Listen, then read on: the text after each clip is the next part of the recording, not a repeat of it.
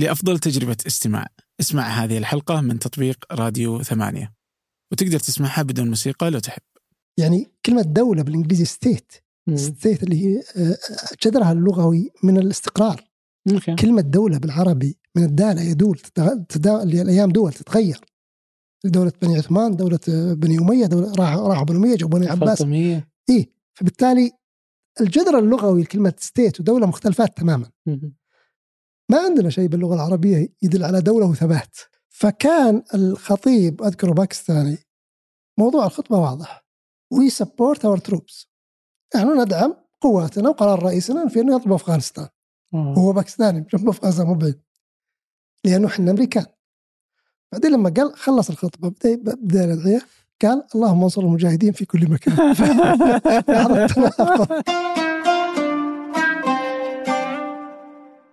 أهلا. هذا فنجان وأنا عبد الرحمن أبو مالح. هذه الحلقة معادة. نشرناها قبل سنة أو أكثر إلا أنها مهمة ورائعة مع ضيف مهم وحديثه مهم مع الدكتور عبد السلام الوايل دكتور في علم الاجتماع في جامعة الملك سعود.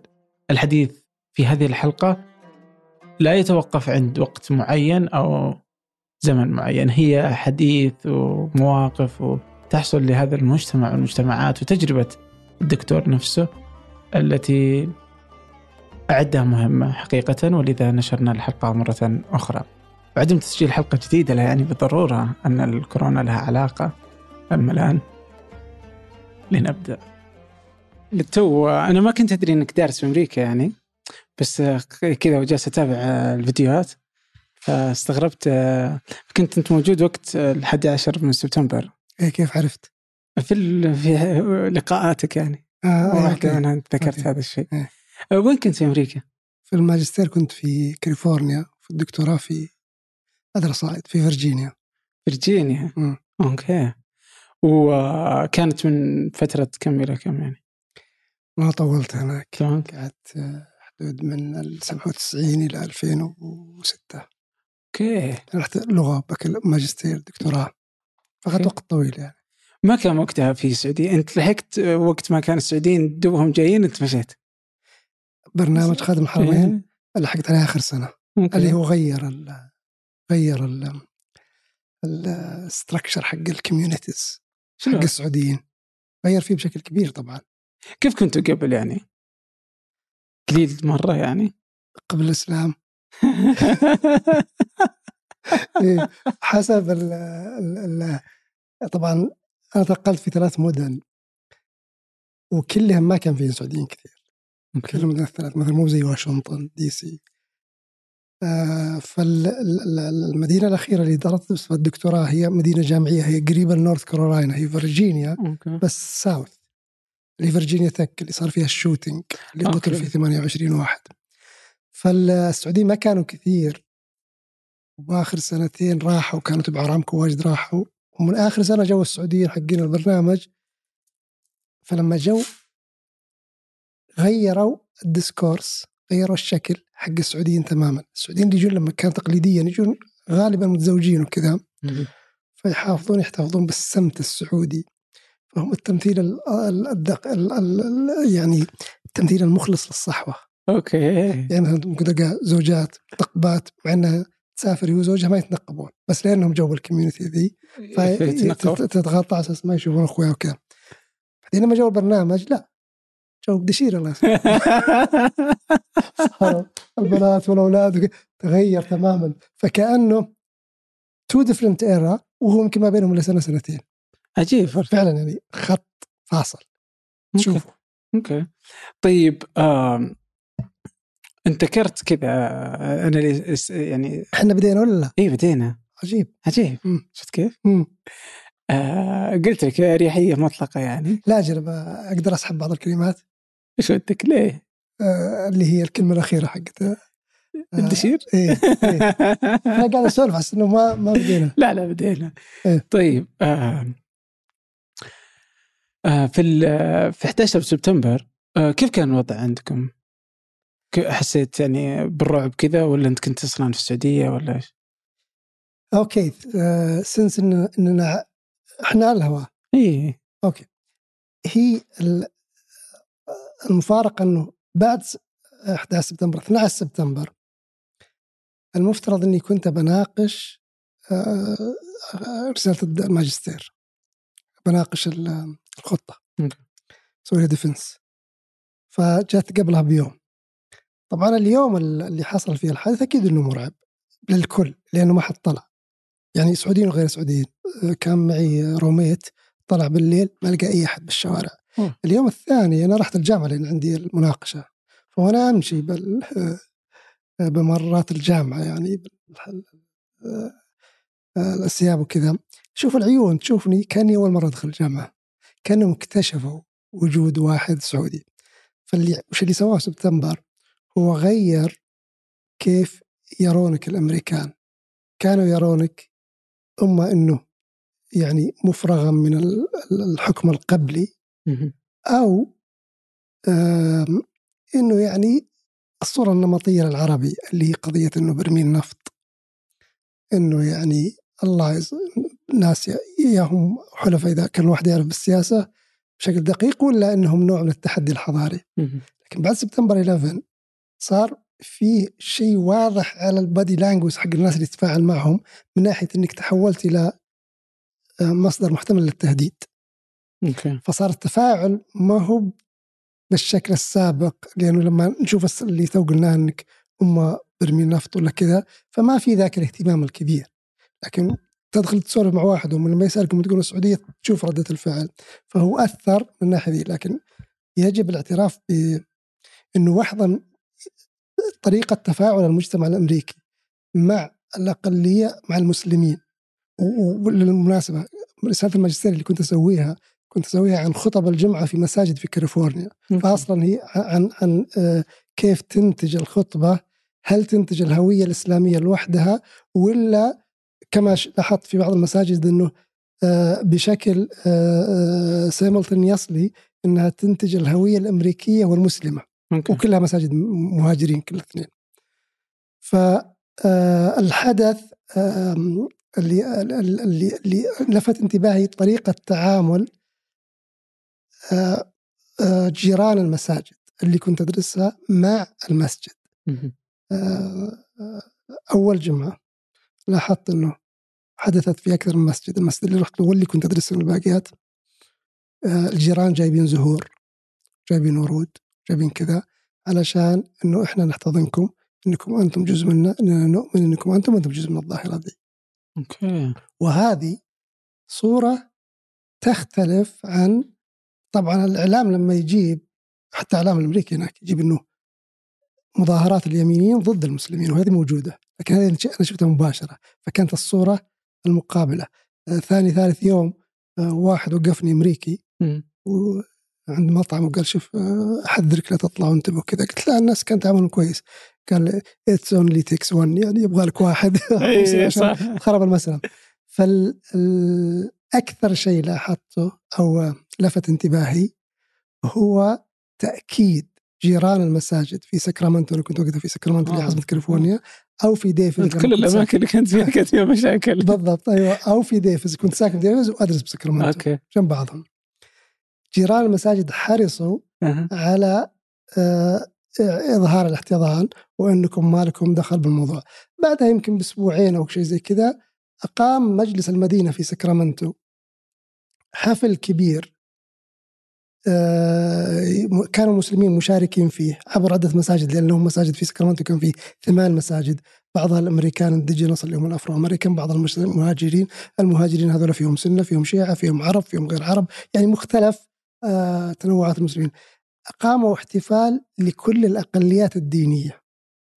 آه، على هامش آه، لإظهار الوحدة ضد الإرهاب. فحضرت الحفل. فال يعني أهل المدينة أو على الأقل المشاركين في هذه الأنشطة كانوا حريصين على إظهار جانب من الغرب غير اللي إحنا نعرفه عن الغرب الأوروبي قبل الحرب العالمية الثانية اللي هو الغرب أو أو حتى غير أمريكا قبل حركة الحقوق المدنية اللي بالستينات اللي هو الغرب اللي مو بعنصري.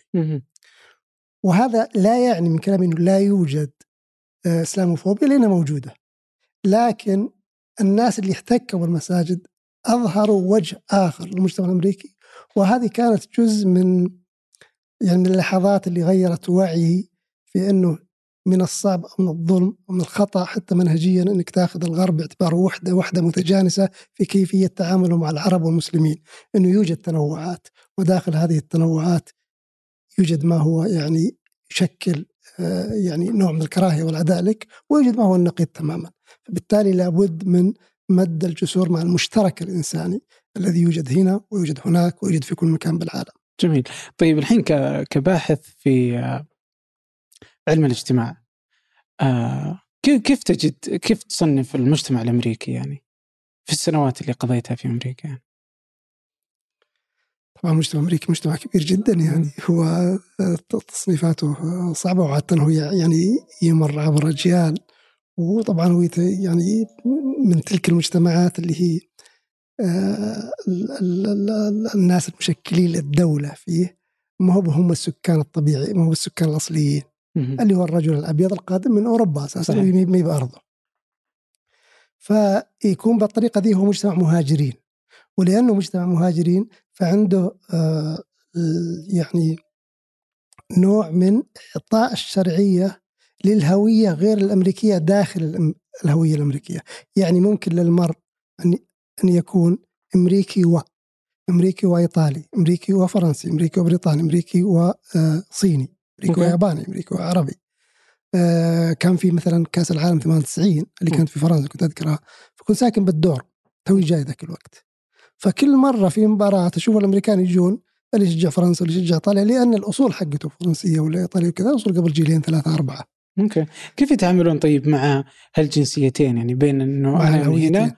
اي هويتين. يعني أنا هويتي الفرنسية أو الايطاليه والأمريكية. أيهما ولائي لمن فهمت الاختلافات إيه هذه؟ اي طبعا الأسئلة ذي ما موجودة هناك. okay ما هي زي الأسئلة اللي نطرحها بالعالم يعني مثلا لما جت سبتمبر 11 م. أظهرت بوضوح بوضوح قوة الهوية الهوية الوطنية الأمريكية. يعني مثلا من المحتمل وهذه يمكن كثير من اللي درسوا هناك في أمريكا الطلبة يشوفونها إنك تلقى طالب يأتي يوميا بالشنطة حقت المدرسة فيها نسخة من الدستور الأمريكي. يعني في هذه الروح الوطنيه لما جبت سبتمبر 11 شفت الإعلام اللون الأحمر والازرق والأبيض على السيارات على الشرايط من عرج فالروح الوطنية قوية، الوطن هناك almost يشبه أي نوع من الهويات في عالمنا التقليدي اللي هي هوية دينية، هوية قبلية، هوية مناطقية هناك بالنسبة لهم الوطن زيه. في نفس الوقت هذا لا يتعارض مع هوية أخرى اللي هي مثلا مثل ما تذكرنا قبل شوي إسباني بورتريكو ياباني من عارف. فتكون الهوية الأخرى مي بهوية متعارضة وإنما أشبه بالحنين أو الأصول اللي ما لها علاقة بال daily life إلا من شكل ritual طقسي.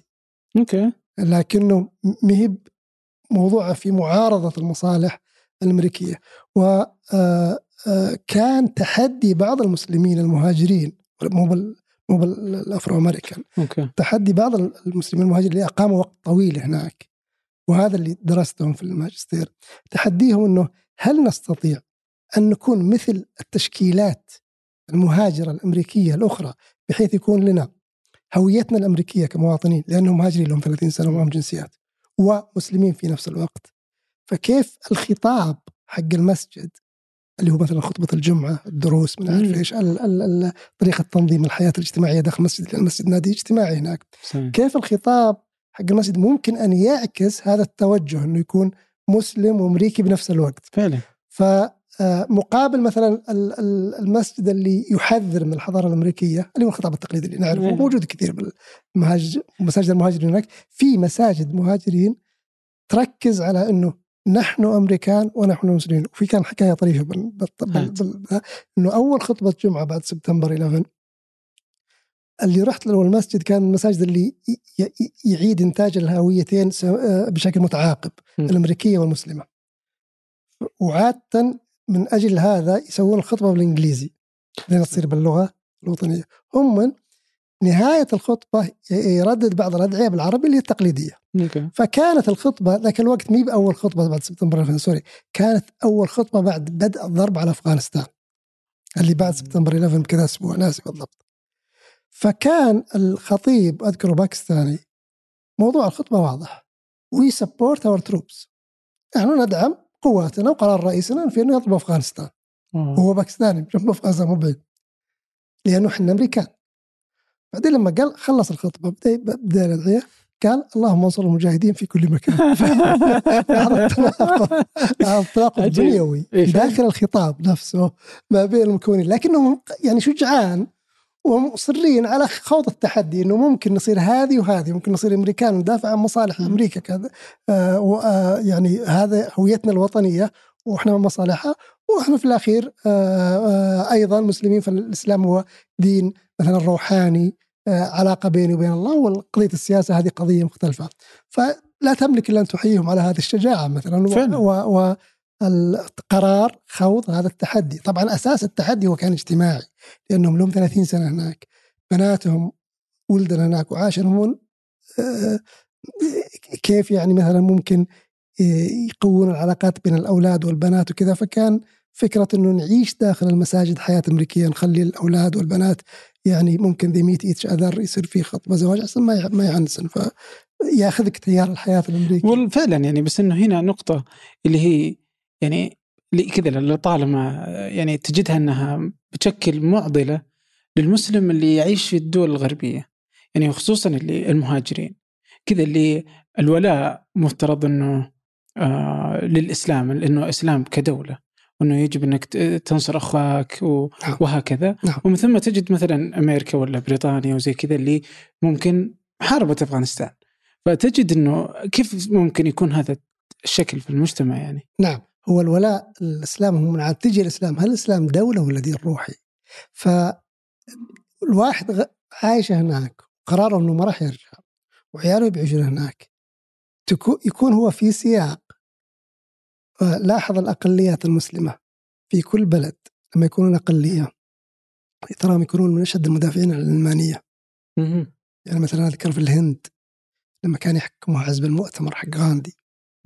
علماني في في بدايه التسعينات جت انتخابات الحزب الهندوسي. فخافوا المسلمين من إنه يحكم حزب ذو خلفية دينية.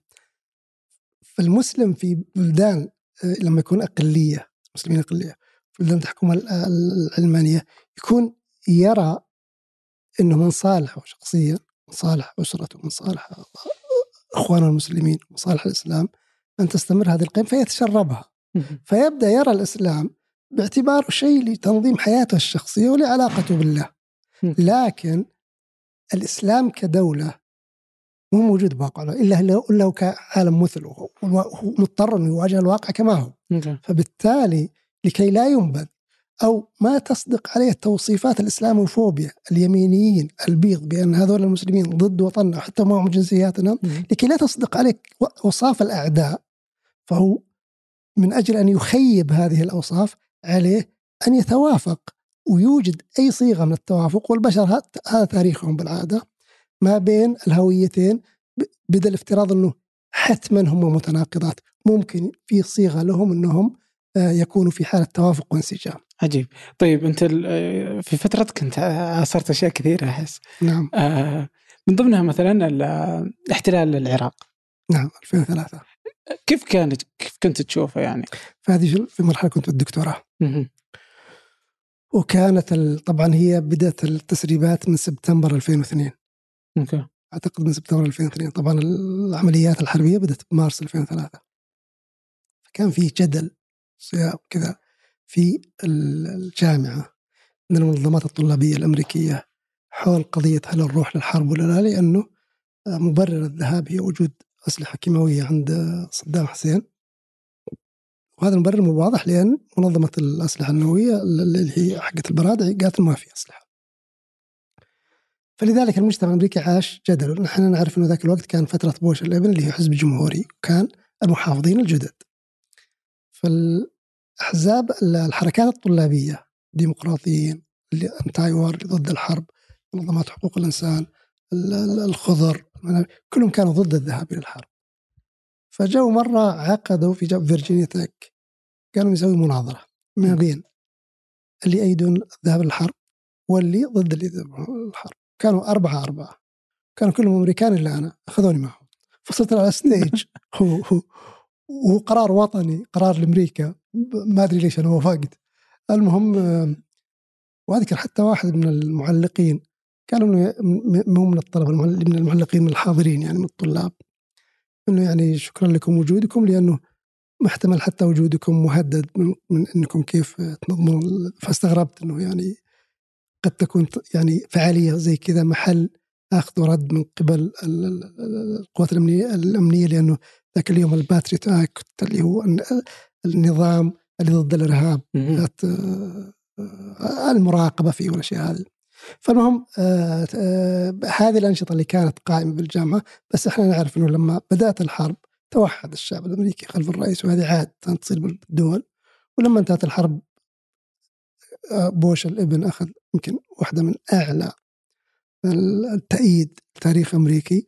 وطبعا في 2006 أخذ واحدة من أقل نسب التأييد لرئيس أمريكي في حياته لأن إحنا نعرف أنه بالبداية انتصروا بسرعة فاعتقدوا أنه المسألة يعني تشبه ما حدث في اليابان بعد الحرب العالمية الثانية وبألمانيا أنه خلاص انتهى الموضوع لكن لما بدأت العمليات الحربية والقتال الطائفي بين السنة والشيعة انخفضت شعبية الحرب بشكل كبير هل أخطأت أصلا الإدارة الأمريكية في دخول حرب العراق؟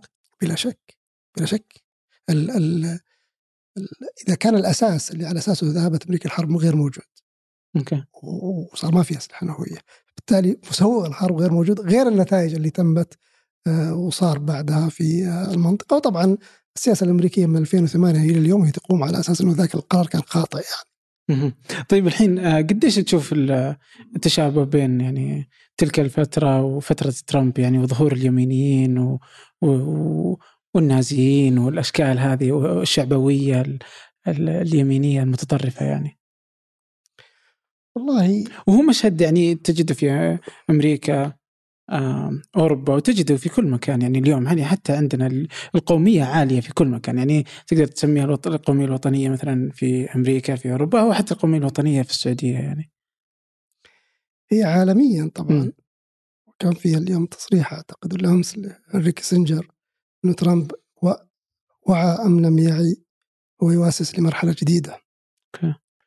وطبعا في كلام إنه يعني انتخاب ترامب بهالشكل يعني موت الليبرا يعني تهديد كبير للليبرالية وانه بيصير في ديمقراطية بدون ليبرالية و آه، يعني من هذه الكلمات طبعا لازم نعرف يعني نشوف ندخل مرحلة جديدة انتخابات ونشوف هل هذا متجذر ولا فقط يعني استثناء لكن واضح إن إن إن يعني الحكم على ترامب هل هو يميني؟ خالص. هو ترى صعب لأنه في مؤشرات يمينية وفي مؤشرات يسارية من سياسته. فيبدو أن وصف كيسنجر دقيق أنه هذه مرحلة آه، جديدة للبشرية آه، تدخلها. ممكن هي يعني مرحلة ما بعد يعني انتهت النظام الدولي اللي كان قائم بعد الحرب العالمية الثانية أو النظام الإيديولوجيا الدولية القائم وقد يكون يعني فيه زي ما تفضلت يعني أنه وطنية عالية وهذا معناه أنه بيهدد كثير من القيم الليبرالية اللي فيها التسامح والتسامح والأشياء هذه. فما ندري صراحة بالمستقبل. إحنا حقين العلوم الاجتماعية يعني نفضل أن نتأمل ما حصل من اللحظة دي وقبل ولا نقول شيء عن المستقبل لأن نخاف أن أدواتنا لا تمدنا بالقدرة على التحليل وعلى التنبؤ. okay. طيب زين الحين علم الاجتماع. يبدو كذا كذا للسعوديين علم الاجتماع علم غائب يعني ما حد يعرف وش العلم ذا.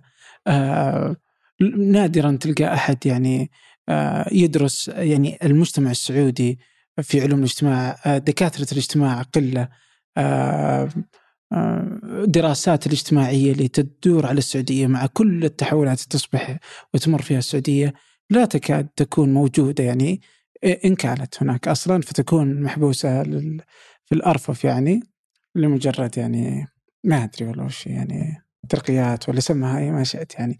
ما نشوف علم الاجتماع. سو so, اللي أنا ودي تجيبه وش أصلا علم الاجتماع؟ وش علم الاجتماع المعرفي برضو؟ وش المشهد السعودي في هذا العلم يعني؟ okay. هو طبعا علم الاجتماع لما لما نشأ في الأساس في منتصف القرن النصف الثاني من القرن التاسع عشر ونشأ بعد انهيار النظام الإقطاعي وانهيار المنظومة القيمية اللي كان قائم عليها النظام الإقطاعي وانبثاق مجتمع جديد أو نظام اجتماعي جديد اللي هو النظام الرأسمالي. فبالتالي اللي هي المرحلة اللي مرحلة ما في stability منظومة قيمية انهارت. هم من مو على طول تخلفها منظومة قيمية أخرى. تأخذ وقت طويل عقود. من الزمن على ما تطور المجتمعات المنظومة القيمية الجديدة. م. اللي هي الحالة اللامعيارية. مثل ما يسميها واحد من اباء علم الاجتماع اللي هو. فعلم الاجتماع نشأ في هذه الفترة اللي انهارت منظومة قيمية ولا بعد تلمست المجتمعات الأوروبية بذاك الوقت ما استقرت على منظومة قيمية جديدة فحصل كثير من المشاكل فكان لازم ذاك الوقت إنه يطلع علم علم يعني كوت ان كوت يناقش المشاكل الاجتماعية ويحاول يحلها لأنه بدأت تطلع مشاكل كثيرة. كانت القيم كفيلة بحلها لكن عندنا فراغ من القيم الآن. طيب شلون نحلها؟ فطلع قضية إنه نستعين بالعلم لحل هذه المشكلات. فكان المنظور تفاؤلي في ذاك الوقت إنه زي ما العلوم تقدر تكتشف يعني وش المشاكل في العلوم الطبيعيه ممكن يصير في علم آه، في المجتمع إنه نسوي علم ونكتشف شو المشاكل وشلون نحلها ونسيطر عليها. هذه هذا التصور الساذج. ليش ساذج؟ لأنه طبيعة مشكلات البشر ما هي زي آه، في طبيعتها ما هي زي مشكلات الطبيعة لا يمكن التحكم بها. الخصائص حقتها تختلف. أنت مثلا إذا أردت أن تعرف مشكلة آه، الاحتباس الحراري فالاحتباس الحراري إذا حدث بسبب المادة الفلانية كل مكان بيحدث نفس الشيء يعني تقدر تتوقع. لكن إذا أردت أن تحدث ليش مثلا مشكلة العنف الأسري مثلا ولا الجريمة ولا الإرهاب ولا ولا الانتحار ولا, ولا الانتحار هي تختلف كثير جدا الكلتشر الشخصية ثقافه المجتمع البناء الاجتماعي. فهذه يعني بعدين عاد بالقرن العشرين اتضح إنه دراسة المجتمعات أو دراسة المجتمع أصعب بكثير من دراسة العلوم الطبيعية على أساس كذا. آه، بداية من ستينات القرن العشرين اللي هو اهتزاز عقد اهتزاز القناعة بالحداثة ككل وظهور موجات ما بعد الحداثة. آه، بدأت تدخل آه، أكثر آه، مناهج غير علموية اللي هي النريشن المناهج الكيفية في في دراسة المجتمع. يعني بدل ما هي بأرقام وكويجنز وكذا صار فيه قضية المقابلات الملاحظات الأشياء هذه. أوكي. هذا من علم الاجتماع بشكل عام. أما من ناحية علم الاجتماع المعرفة فهو في عادة يعني المجتمع فيه المجتمع الأسرة المعرفة التربية السياسة. فبالمعرفة نشوف إحنا المعارف الموجودة والمجتمع وعلاقتها آه، في البناء الاجتماعي آه، بالتطورات الاجتماعية. يعني إيجاد أساس اجتماعي للمعارف. وعلى فكرة المعارف مو لازم تكون مكتوبة أي نوع من المعرفة. يعني إذا كان أبائنا مثلا يعرفون كيف يواجهون مشكلة حرارة الطقس بذاك الوقت عبر تقنيات معينة في البناء فهذه معرفة وقابلة للدراسة. الآن نجي للسؤال الاتهامي. وين علم الاجتماع السعودي؟ فعلا. لأن علم الاجتماع يعني جزء منه يعني داخل بالفكر والفلسفة جزء منه اللي هو المنهج العلمي الصارم اللي يدرس المشكلات بشكل يعني صوري.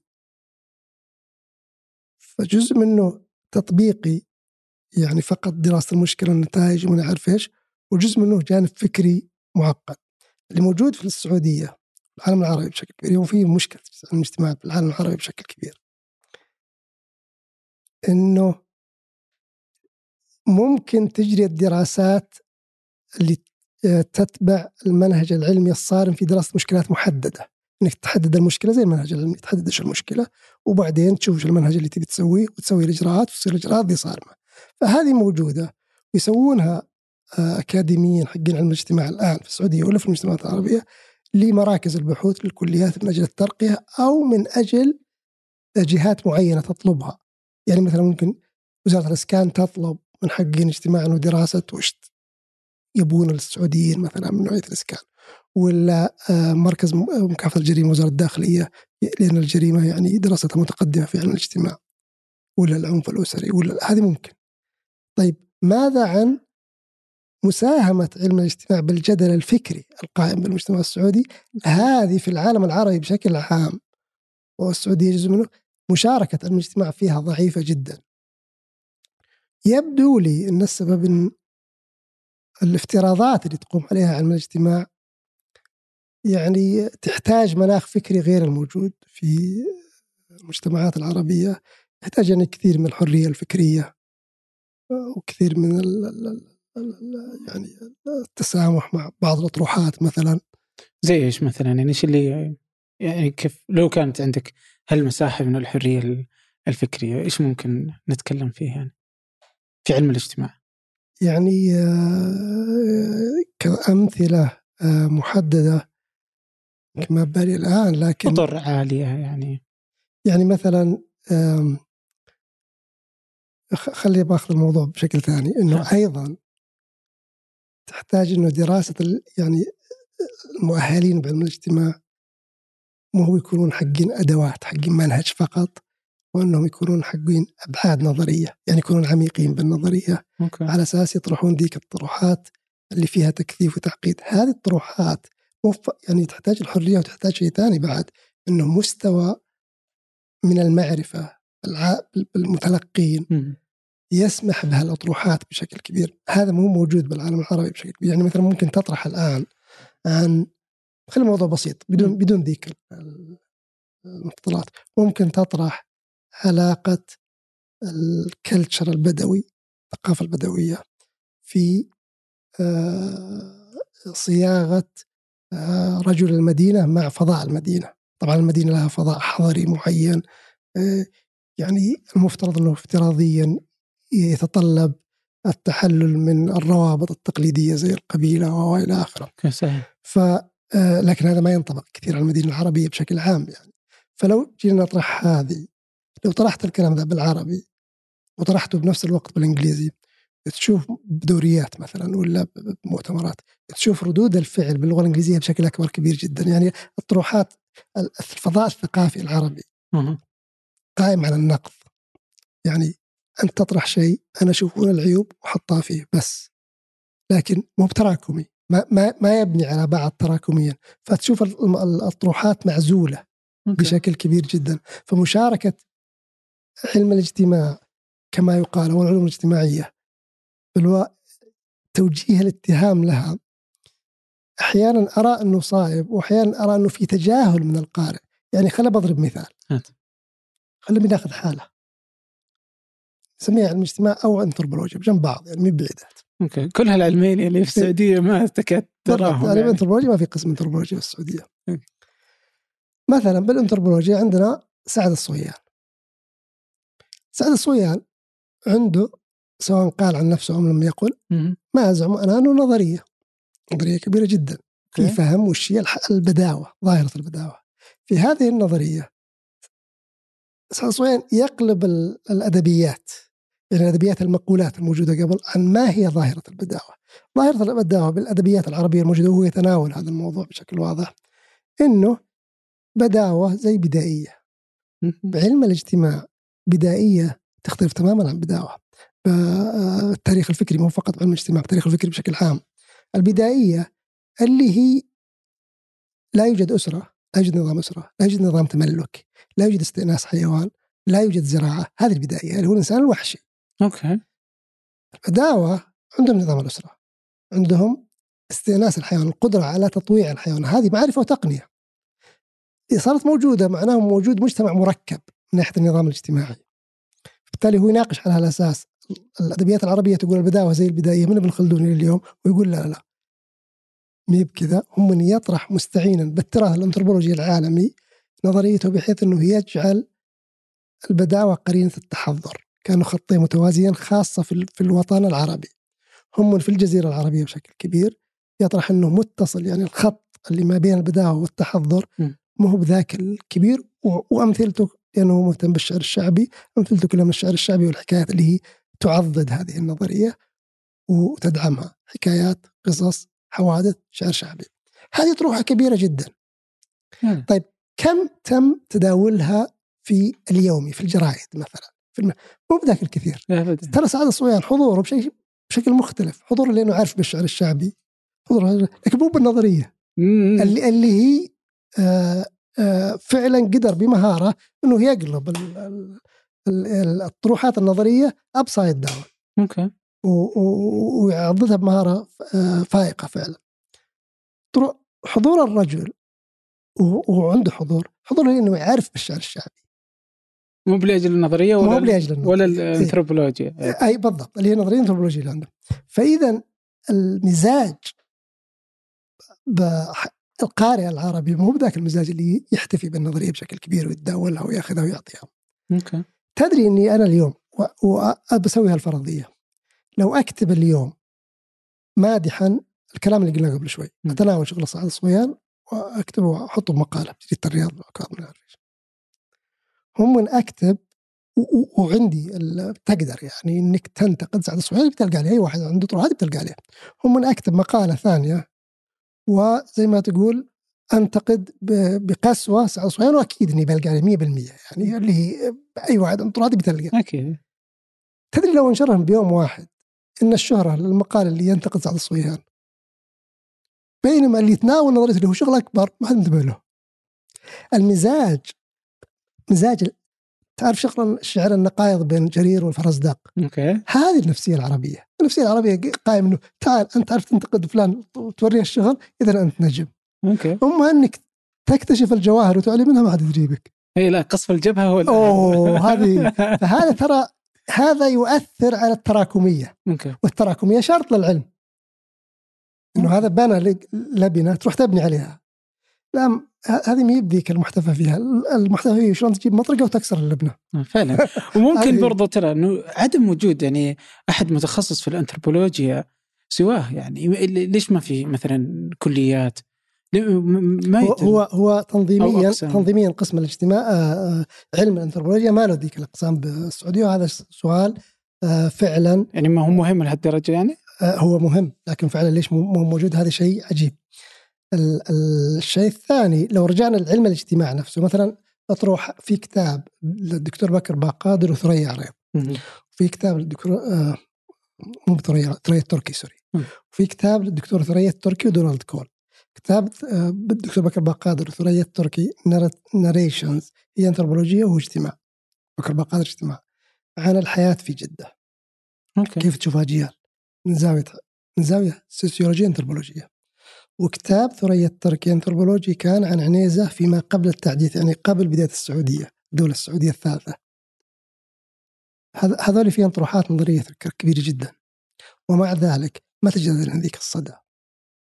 يمكن كتاب عنيزة لأنه أعتقد أنه موجود بالإنجليزي يمكن الريفيوز والقراءات والتعليقات عليه بالإنجليزي أكثر رغم أنه مو مجتمعهم. فالحاضنة للأفكار الاجتماعية أو أو أو للطروحات الفكرية بشكل كبير جدا بال... عند القارئ العربي مو كبيرة ترى. ترى هو القارئ العربي يفضل الشيء السريع والشيء اللي زي ما تفضلت أنت يعني قصف الجبهة وكذا. أكثر من الطروحات اللي فيها آه، آه، ثقل على أساس كذا. صرت أنا على قناعة الآن إنك لما تتناول عمل فكري التحدي بواقعنا okay. وهو انك كيف تنتقده؟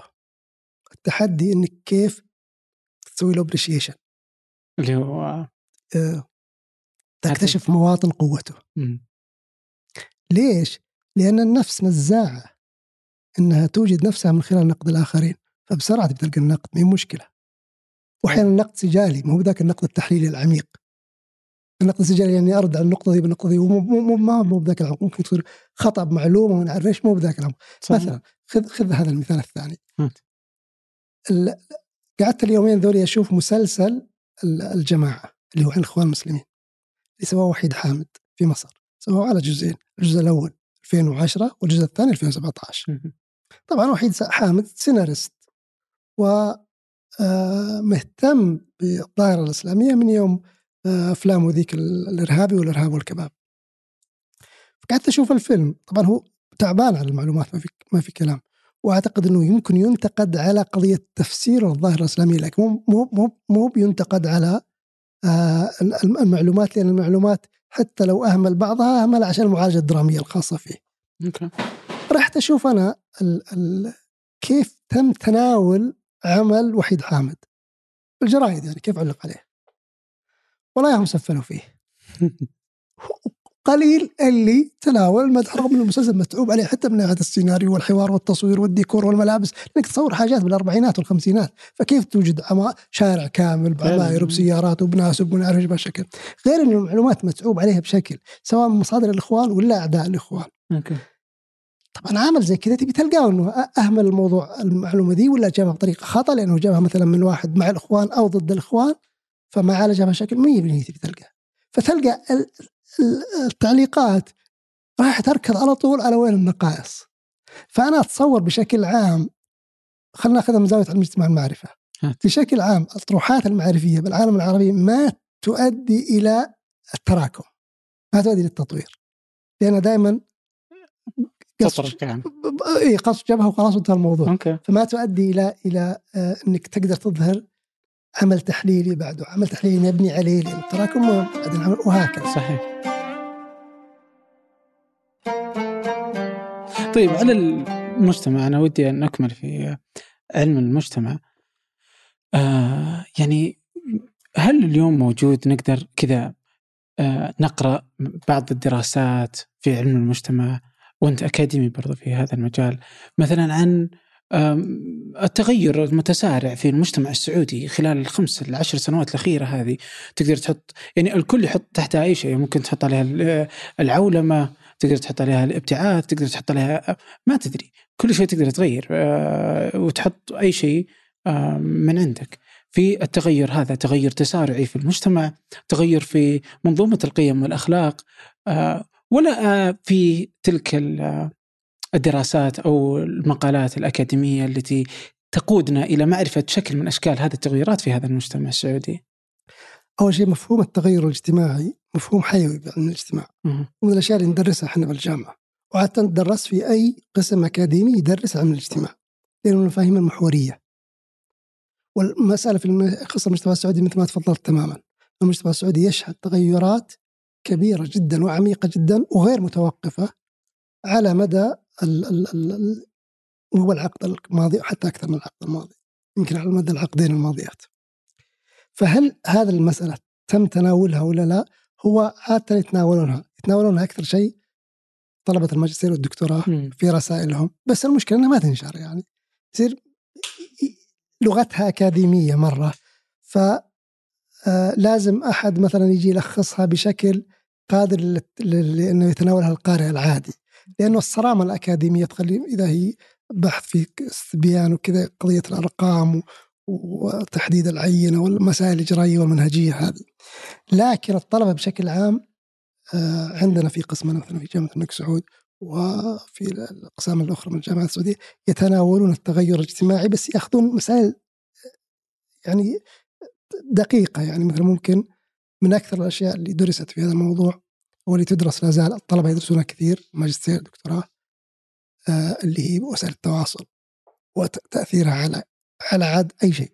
تأثيرها على مثلا آه وجود المهنة تأثيرها على المعرفة تأثيرها على قضية المرأة كيف تقدم نفسها في المجتمع إنه وجد لها صلة يعني مجالات جديدة وإلى آخره. فدرست كثير في الأقسام. الآن التحدي انك كيف تحول هالمعرفة التقنية مرة كيف تحولها إلى شيء مؤثر بالمجتمع عبر نقلها من الإطار الأكاديمي الخالص إلى آه، مستوى لغوي قابل للتداول بين آه، الأفراد في الحياة اليومية، هذا ممكن ترى الصحافة تسويه، أنا أذكر جريدة الرياض زمان قبل أكثر من 20 سنة كان عندهم زاوية يحطون فيه ملخص رسالة، فيلخصون رسالة okay yeah exactly فيمكن يمكن لو يصير فيه نوع من التعاون انفتاح الجامعة على المجتمع انها تسوي هالشيء ممكن. أن تلاحظ أنه آه ويمكن ما تلاحظ لأنك أصغر من سن بكثير طبعا. ما الجامعة تأثيرها بالمجتمع أول كان أكثر من الحين فعلا yeah. فالآن لأن المحكات وش الآن قضية قديش آه، نشرت الجامعة لها دراسات في ال ISI ال ISI بالإنجليزي. مو بزي أول إنه مثلا تلاحظ أكاديميين الجامعة لهم حضور بالجرايد بالملاحق اللي تطلع فيصير لهم تأثير على المجتمع بشكل كبير جدا. فالآن إحنا في تحدي إنك كيف توجد هالكونكشن هالجسر ما بين المجتمع والمعرفة المنتجة داخل الجامعة؟ سؤال غياب المعرفة يمكن الرد عليه بسهولة أنه يوجد معرفة. سؤال إطلاع المجتمع على المعرفة هذا هو التحدي. فعلا أنا أتذكر كان الدكتور خالد الرشيد آه، يتكلم عن إنه الجامعات في السعودية هي جامعات مغلقة يعني كذا مسوره ويعني آه، متلحفة بنفسها يعني وما يعني ما تتفاعل مع المجتمع. عكس ما هم المفترض إنها تكون. لاحظ لاحظ الشكل الفيزيقي البناء. أوه. مثلا لاحظت كنت رايح الجوف. أوكي. رحت طبرجل اللي فيه جامعة الجوف. جامعة الجوف تبعد عن مدينة الجوف 30 كيلو. الكليات اللي هي فرع في محافظة طبرجل اللي طبرجل 250 كيلو من الجوف مثلا تبعد عن طبرجل 30 كيلو. وهذا قسوه على الجامعات الناشئه لاحظ عندنا الجامعات بالرياض مثلا. م. أنا الجامعات اللي درست بهن عادة تكون الجامعة بالداون تاون مثلا تكون انت تطلع مباشرة مباشرة عندك المقهى ومحل البيتزا. صح. بصورة الجامعة يعني تقدر تطلع لو عندك ساعة تروح تذاكر وترجع. موعد لك زميل ولا ولا دكتور توعده بمقهى خارج الجامعة رجليك تروح وتجي هذه مين موجودة عندنا. علشان تطلع من الجامعة للحارة يبغالك تدق سلف تحرك السيارة. إيه. مشوار ومسورة وهناك تلقى إنه وسط إذا كانت المدينة. اذا كانت مسورة بهالشكل بعيدة ومعزولة في فضاءات يعني ما بين السور إلى الكليات تاخذ وقت وشارع وما عارف إيش وكذا اذا كيف تنظم فعاليات آه، ثقافية نقاش ما عارف إيش. فالجامعات الحقيقة قدامنا هو الجامعة لما تقام عالميا قدامها ثلاث ثلاث آه، رسالتها هي ثلاث توجه لثلاث فئات أو ثلاث أشغال، الشغل الأول هو آه، التدريس، الشغل الثاني اللي هو البحث العلمي، الهدف الثالث اللي هو آه، خدمة المجتمع. فهذه الجامعات عندنا قائمة بالثنتين الأولات اللي هو التدريس والبحث العلمي. مشكلة التركيز على البحث العلمي اللي هو قديش إحنا موجودين مثلا بال ISI عشان شنغهاي يرفع التصنيف حق الجامعة التركيز عليه صار على حساب خدمة المجتمع. فصرنا يعني مثلا زي ملحق جريدة الرياض قبل 25 سنة تجي تفتح تلقى سعد البازعي وسعد الصويان وعبد الغذامي وهوش وشيل وحط وكذا. معرفة ساهمت وعبد الرحمن الطيب الأنصاري بالتراث منصور الحازمي معرفة ساهمت أو آه، طروحات ساهمت في توجيه معرفة المجتمع. ممكن. الآن ما له ذاك الأكاديمي ذاك إيه يعني حتى مع كل هالتغيرات اللي تعيشها اليوم السعودية مثلا في الفعاليات الثقافية، الفعاليات الترفيهية. آه يعني لا تكاد تجد آه، شكل من أشكال الجامعات آه، السعودية تساهم في هذا المجال يعني. يعني أكبر شيء شفته يعني تدخلت الجامعات مع المجتمع هو آه ملعب الهلال يعني إنه حطوه في جامعة الملك سعود. عدا ذلك يعني تبدو مساهماته ضعيفة أنا يعني. ساكن بالجامعة. م. فلما تجي مباريات الهلال وشوف السيارات جوا الجامعة كثير أحس بأن الجامعة يتدفق الدم في عروقها انها انفتحت المجتمع مو فقط الطلاب اللي جايين. هذا كان مؤشر جيد الحقيقة. وشكرا لإحضار هذا الجانب لأنه صراحة مهم رمزيا مهم. إيه. فالفعاليات الثقافية ينادون الأكاديميين عادة بالذات حقين الأدب. الثقافة عندنا هي الأدب. اي المفترض إنه مو كذا. هي مو بكذا. المفترض إيه. صراحة عاد هذه قضية الثقافة ليش مسيطر عليها الشأن الأدبي لأن العقل العربي عقل بياني وكذا. يحضرون لكن الفعاليه الثقافية حقت مثقفين ماذا عن انفتاح المجتمع الأكبر؟ اللي هي وسائل التواصل اللي هي الجرايد الراد وما أعرف إيش. أعتقد إن الجامعة نفسها إدارات الجامعات يجب إنها تنتبه لهذه الوظيفة خدمة المجتمع واحدة من مؤشراتها هذه. طبعا الجامعات خدمة المجتمع. تراك ممكن تحط دورات دورات عادية. أول يحطون دورات شلون تحط لها تكتب لها الكاتبه مثلا زمان دورات أنا أذكر بيركلي في دورات حق العصر وشلون تصير روائي ولا شلون تصير شاعر. موجودة بالمدى فهذه من خدمة المجتمع. فما يجب إنه إدارات الجامعات تركز على قضية موقعنا في شنغهاي ولا تصنيف التايمز التصنيفات الدولية على حساب إنه قد ما هي خدمة الجامعة للمجتمع وهذه مشكلة المعرفة في العالم الثالث بشكل عام. اذكر آه، مثال شهير. كان في واحد يتكلم عن أعتقد غانا. okay. عن علاقة المعرفة اللي تنتجها الجامعات هناك بالمجتمع الغاني. زي السؤال اللي إحنا فيه. أوكي. فيقول إنه في دكتور دكتور بالفيزياء. يقول لقيته قاعد يسوي بحوث عن الفيزياء النووية. وغانا ما عندها مفاعل نووي. يقول في المقابل غانا عندهم اختراع غريب. أنا نسيت المثال وشه لكنه عندهم اختراع قدور قدور عادية مهم. تقليدية. فهو يقول ممكن القدور دي فيزيائيا تطور بحيث إنها تصنع ماني عارف إيش بهالشكل. فيقول رحت للدكتور وقلت له تتكلم غربي. يقول قلت له بدل ما تسوي بحوث بالفيزياء النووية وأنتم ما عندكم في محامل نووي ورا ما تساعد هل يصنعون القدور بحيث إن قدورهم تصنع بشكل أحسن وتنتج آه، يعني تصدر للخارج. قال أنا لا ساعدتهم في مجلة دورية علمية بالخارج تبي تنشر لي بحث ما تنشر لي بحث. فال science الدولي طريقة تنظيمه وفي في أزمة أخلاقية هنا إن تنظيم العلوم عالميا موجهة لخدمة المجتمعات المنتجة مهم. بحيث أنه حتى الأكاديميين الموجودين داخل مجتمعات العالم الثالث ما يفيدون مجتمعاتهم بشكل كبير بقدر ما يفيدون حركة العلم الدولية. وهذا عاد سؤال أكبر من إمكاناتنا المحلية ولازم ننتبه له كمخططين للعلوم. فعلا. طيب الحين إيش؟ آه في أكثر من مجال آه، تطرقنا له قبل آه شوي. ودي نمر عليهم آه بشكل شخصي. الحين مثلا ذكرت إنه الشبكات الاجتماعية كيف إنه اليوم هي جزء من المعرفة. وهي اللي تؤثر على المجتمع. وكذلك مررنا مرور الكرام على المجتمع السعودي تغيراته في كما أنا قلت إنه العقد الأخير وأنت حطيت إنه أكثر من عقد. كيف نظرتك للمسألتين هذه؟ مسألة الشبكات الاجتماعية وتأثيرها قدرتها على أدلجة المجتمعات ونأخذ المجتمع السعودي بالتحديد كمثال. وكيف قراءتك أنت للمشهد السعودي خلال السنوات الأخيرة يعني كمجتمع وكباحث ال-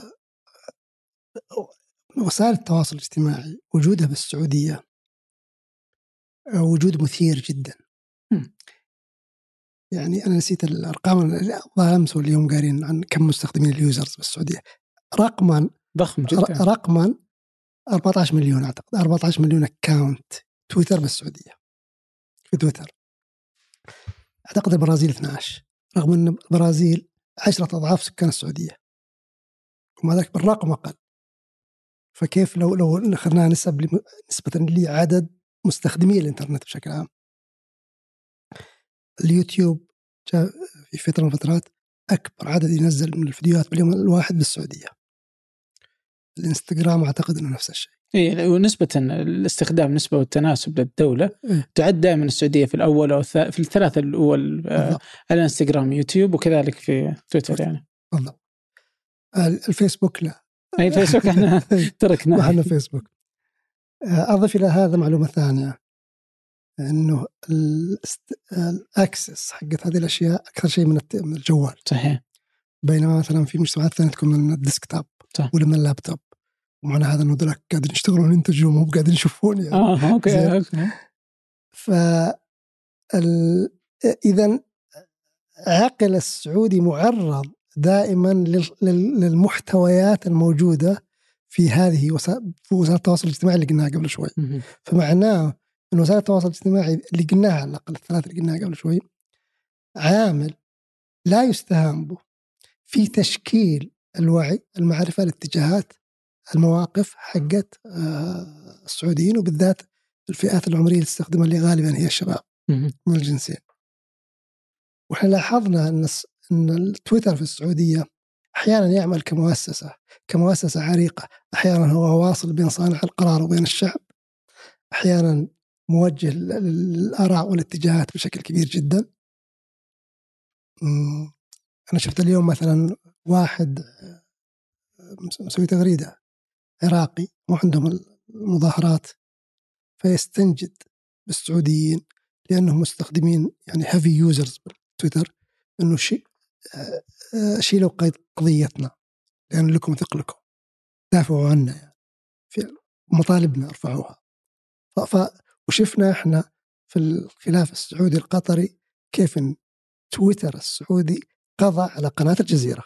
مهم. تماما. زين. ما في مقارنة أصلا يعني.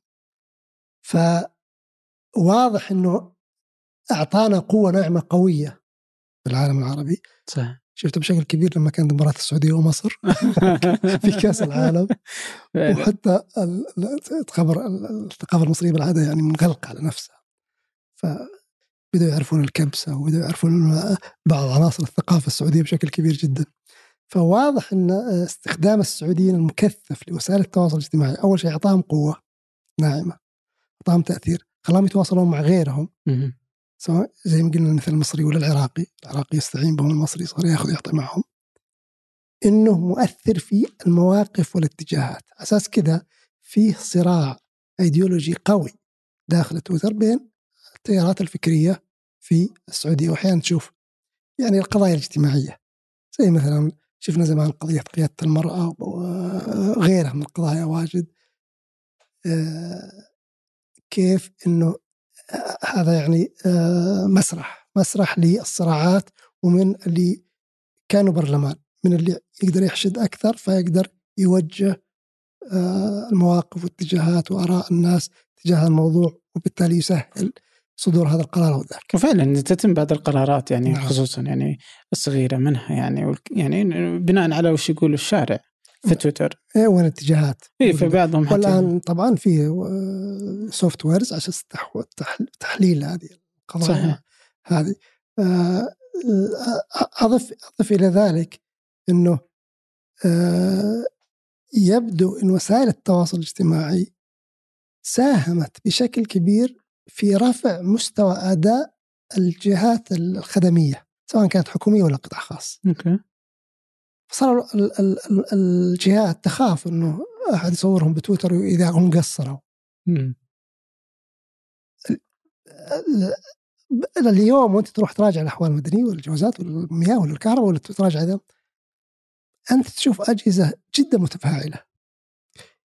يمكن وسائل التواصل ردع هنا لعبت دور الردع فواضح أن الشعب السعودي يستخدم هذه الأجهزة بكفاءة عاليه، حسن أداء الجهاز الحكومي، حسن أداء الجهات الخدمية، آه، وصل صوته بشكل كويس صار القرار بدون وسائل زي وسائل زي التواصل الاجتماعي، صار له قوة ناعمة في وسط العالم العربي. وضربنا مثلا الجزيرة مقابل اليوزرز حقين التويتر. لما أشوف واحد من مذيعين قناة الجزيرة يسوي تغريدة وأنا أشوف كل الردود عليها. أقول له أنا مسار ما غرت. إيه، خلاص. هذا كل مجال التلفزيون وبس.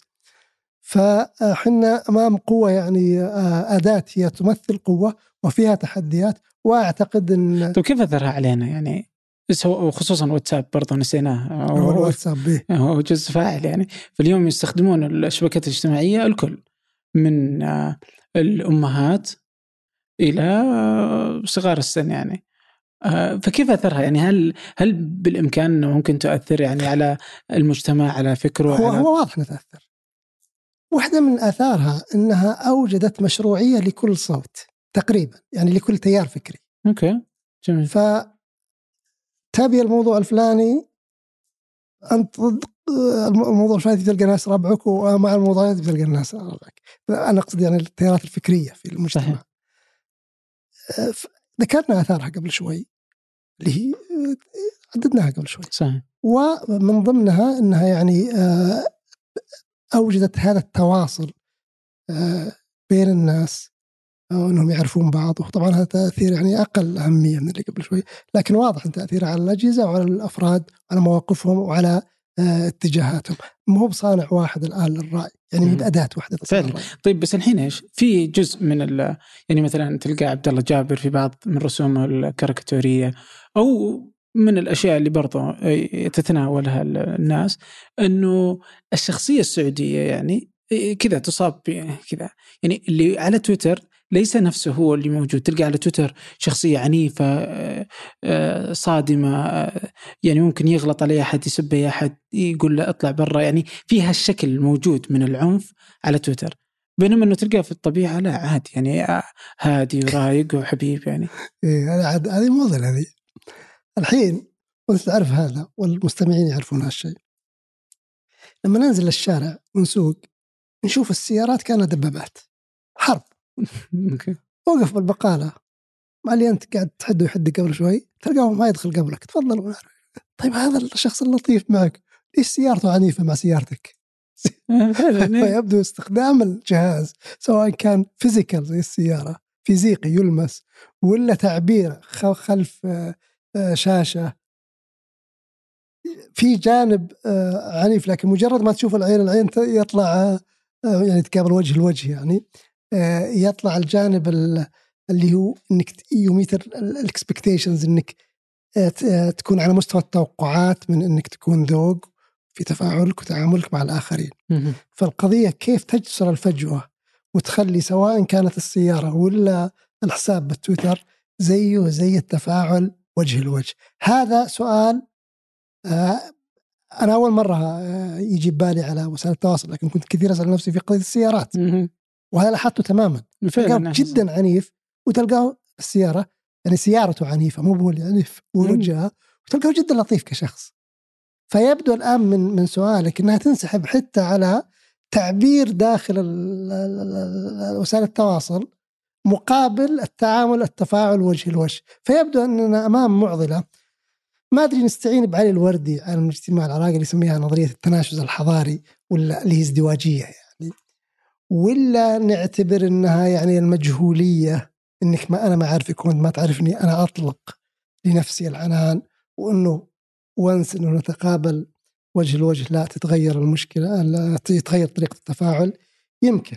فعلا وما تدري يعني أيهما أصدق حتى يعني هذا هو الشخصية الحقيقية الموجودة على تويتر ولا هو تفريغ لغضبه؟ في فيه نظرية بعلم الاجتماع باتجاه التفاعل الرمزي حقت ميد إنه الحياة مسرح وإنه المكان الوحيد اللي ما فيه مسرح ما نمثل الحياة مسرح كلنا نمثل كلنا نمثل. صحيح. نمثل باستمرار. اللحظات الوحيدة اللي ما نمثل لما نكون بغرف مغلقة فرادى. فقط لما يكون واحد فرد ومقفل الباب. ممكن آه، ينزع كل الأقنعة. لكن وجود أي شخص آخر حتى لو بنتك ولا ولدك ولا زوجك ولا كذا ولا صديقك بالاستراحة معناه أنك تبي تلبس القناع أي نوع من القناع. طبعا هذا مو بعيب هذه مهارة. الحياة تتطلب هذه المهارات. طيب يمكن بس إحنا محتاجين نخفض عدد الأقنعة. وما تتشال الأقنعة لأن نشاط الأقنعة صار حماقة. صار الواحد يعني يقول كل مو مستحيل. لكن نخفض عدد آه الأقنعة. فهذه شلون آه هل تحتاج أول شيء دراسات مقارنة؟ هل هذه ظاهرة بشرية ولا موجودة بثقافات أكثر من ثقافات؟ ما يقدر الواحد يحكم بدون ما يعرض الأشياء دي على آه لترتسر على الأدبيات ويشوف طيب الحين في كذا في مفهوم مثلا الحرية مفهوم آه حرية التعبير. قديش مؤثرة؟ أو كيف تشوفونها من وجهة نظر أكاديمية بالنسبة للمجتمعات اللي تملك حرية التعبير والمجتمعات التي لا تملك حرية التعبير؟ طبعا ما في إجابة أكاديمية على الموضوع ده لأنه هذه اتجاهات فكرية. يعني كل واحد آه، واتجاهه. الآن أكبر اقتصادين بالعالم أمريكا والصين.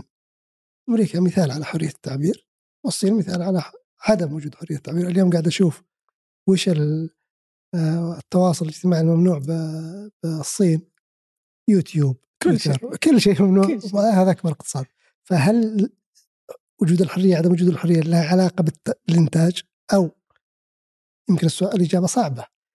في سياق حضاري معين لها علاقة وفي سياق حضاري معين ما لها علاقة. يعني مثلا ممكن بالحضارة الكونفوشيوسيه اللي حضاره الآسيويين عندهم التزام صارم عادي فيمكن مو مهتمين بحرية التعبير.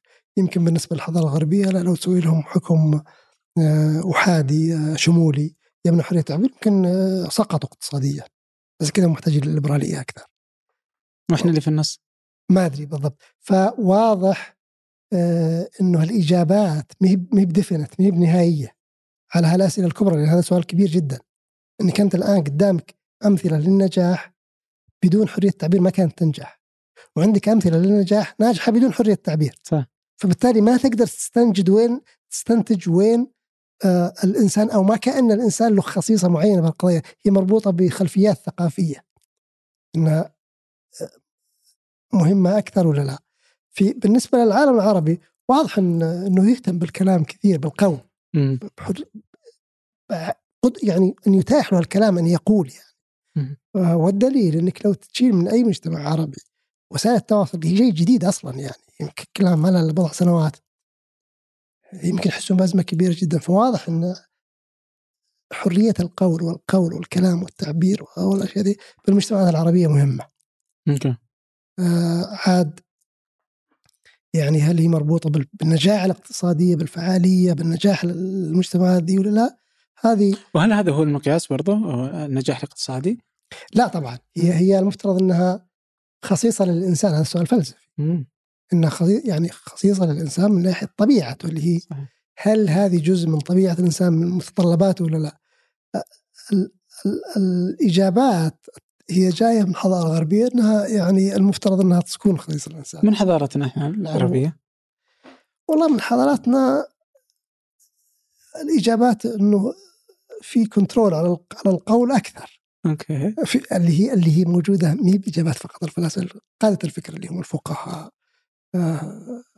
تشوفوا بالأمثلة هل كان لابن خلدون كلام في الموضوع ده؟ لا. ما ما لا بذاك الوقت لا هي أكثر شيء يعني قضية الفقهاء إنه إذا واحد قال كذا وما قال كذا من ناحية العقيدة مم. أو من ناحية الشرع أو من ناحية كذا فيؤخذ على يده مثلا يعاقب وكذا فهذا مؤشر على ما هو مسموح للآخرين أن يقولونه أو إذا ما إذا قالوا غير المسموح نتركهم على كيفهم ولا نعاقبهم يعني. أوكي.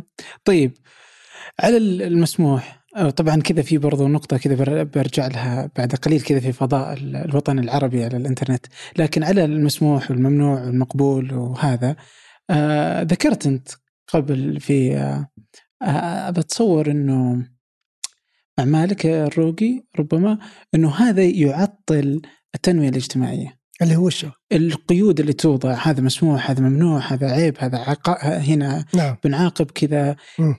كيف كيف ممكن نتعامل مع الموضوع أصلا يعني؟ وكيف تقصد بهذا إنه هذا بيعطل التنمية الاجتماعية؟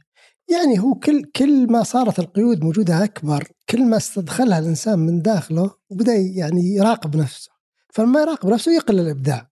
أوكي. يعني الحين مثلا الإبداع أكثر شيء موجود في المجتمعات اللي فيها يعني أنت خذها من من من ناحية التنظيم الاجتماعي العادي اللي هو قرية مدينة. الإبداع المفترض موجود في المدينة أكثر من القرية لأن المدينة تسمح بالتعدد. يعني مثلا خلينا ناخذها على شكل قضية اللبس مثلا. التعدد التغير باللبس واحد يلبس بشكل مختلف كذا. يلقى فضاء في المدينة أكثر ما يلقى في القرية لأن بالقرية ممكن يصيروا الناس يعرفون وجه الوجه فممكن ينبذ انه هذا غلط أو ما أعرف. بالذات بالقريه التقليدية القديمة يعني. المدينة هي محضن الإبداع اللي- محضن الإبداع اذا هي قضية التعدد. لأن المدينة موجود فيها أكثر من صوت أكثر من تعدد أكثر من راي المجهوليا ما حد يعرفك إنك تقدر تظهر ابداعك فهذا الكلام إنه إذا أنت استدخلت مراقبة المجتمع عليك ما قدرت تبدع وعلى أساس كذا يعني هي لما قلناها قبل شوي ربطناها بالنجاعه والفائده للمجتمع ككل يعني غير قضية إنها حق للإنسان آه، بالشكل الأساسي. ف آه، آه، اللي يأخذونه من الناحية يأخذون إنه إنه يعني كان في واحد اسمه جوزيف بن ديفيد. واحد من دارسي آه، عالم اجتماعي يدرس العلوم. فله بحث عن الشمولية وال science والعلوم. okay. الشمولية يقصد الاتحاد السوفيتي ذاك الوقت. وقته فكان عنده استنتاج انه الشمولية ما تؤدي إلى تطور العلوم بشكل كبير. لأن- رغم العلوم هي داخل الجامعات والمختبرات فالأطروحة إنه كل ما كان في مساحة حرية أكثر الإنسان كل ما مارس أعمال بعضها مجنون من هذا المجنون بيطلع عمل إبداعي مثل ما نشوف مثلا في الآن يعني تويتر مايكروسوفت أبل مهم.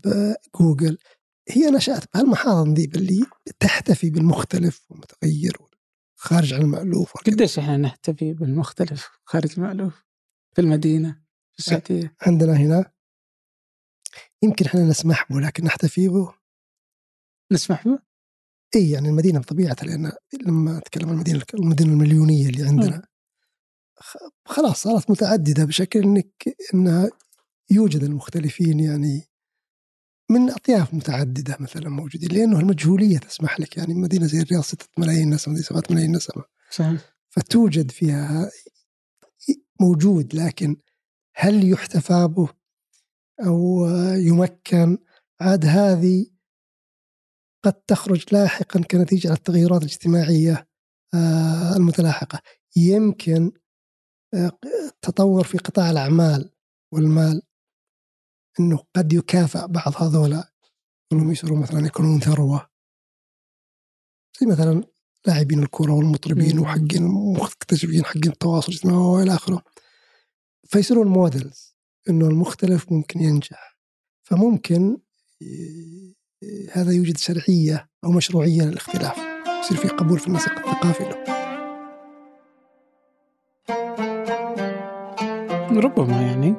آه بس إنه كذا لا تزال إنه في آه في يعني محدودية في هذه المسألة. نعم. في قيود كثيرة وتختلف يعني لأنه أحيانا تطرح تحت الذوق العام اللي إلى الآن ما حد نعم. قادر يفهم وش الذوق العام يعني. نعم نعم نعم, نعم. لعلنا شفنا يعني حوادث معينة. فعلا. طيب على هذه برضو اللي هي القيود والأشياء آه، بعود كذا جزء شوي من الماضي وشيء ظهر على أثره حاليا.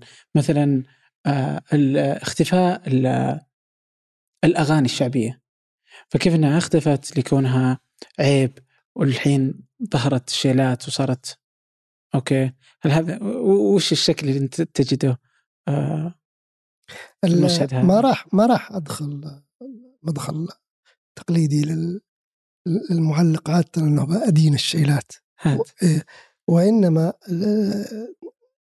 إذا أنت قدام ظاهرة لازم تحللها. ما تقدر تصدر عليها حكم على طول إنه أوكي ممتاز خلينا نحط فيه ولا أنا سيئه ونقضي عليها.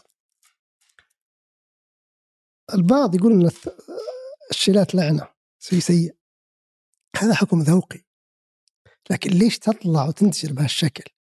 عادة لما شيء ينتشر بشكل كبير جدا الأفضل للمثقف إنه يروح يحلل بدل ما يصدر حكم أحكام قيمة فيسأل ليش القبول بهالشكل؟ ليش ليش قبول الانتشار الواسع؟ يبدو إنها في الأساس مسألة دينية لقضية التغلب على إشكالية الموسيقى يعني تمكن الحكم الفقهي بتحريم الموسيقى من الأفئدة من الناس اللي يشعرون بالذنب لما تكون في موسيقى فما لقوا التواء إلا بالشيلات اللي فيها أورج وما عارف إيش وأصوات موسيقية لكن ما أدري ما أدري شو ما تصير موسيقى ما أعرف الحقيقة. فيبدو إنه الإشكال فيها هو إشكال تطهري، إشكال ديني في الأساس. فهذا نوع من الاختراع للتغلب على آه الإحساس ب يعني ما يجينا إحساس بالذنب القضية التطهرية ولا إحنا شفنا نشوف باليوتيوب نشوف بالفيديو نشوف ذا نشوف إنه المط... أسميهم مطربين ولا ما أدري إيش يسمون حق الشيلات منشدين هم ولا مطربين وش يسمى؟ آه. منشدين ها؟ okay المنشد حق الشيلات أو نشوف ال look ال look عصري تماما آه صحيح زيه زي أي look مغني في آه، إيطالي ولا يعني حريص على آه، يحدد ما عارف إيش ويمكن في عمليات بعد تجميلية للوجه وكذا. وفوتوشوب بعد. بالضبط وفوتوشوب بعدين لأنها أنا تو قلت تطهرية. صحيح. شيء ثاني وبرجع للنقطة اللي قبل شوي. شيء ثاني إنه لأن الأغنية مؤطرة بالتأثيم. التحريم. فبالتالي ما راح تجد لها فضاء اجتماعي كبير. يعني وجود مطرب. و آه، هذا إحنا نتكلم طبعا عن التغيرات الاجتماعية اللي صارت عقب هيئه الترفيه عن قبل يعني نعم، قبل سنوات وهذا كله صار بشكل سريع يعني. وجود مطرب. هم من وجود آه، فتيان وفتيات يغنون مع المطرب ويتفاعلون والشابات وهن يعني متغطيات وما يحتاجوا كذا لكن يغنون مع المطرب قبل سنوات بسيطة كان صعب صعب حتى تقبل نفس البنت نفسها إنها تسوي هالشيء إنه هذا مؤثم مؤطر بالتأثير. فجت الشيلات عشان تحل هالمشكلة. كأنها نزلت كذا من السماء. وحلت هالمشكلة فوجد له فنجي نلقى المطرب اللي هو تو قلنا الشكل حقه كيف؟ جدا عصري. هم نلقى الجمهور ذكورا واناثا. طبعا مفصول بينهم لكنهم موجودين. يتفاعلون بشكل كبير مع آه، آه، المنشد. نوعية التفاعل ذا لو هو بإطار مع مطرب سيجد إدانة. بدون صحيح. مطرب ما يجد إدانة. بل العكس مفارقة غريبة. اللي يدين هذا هم حقين الأغاني.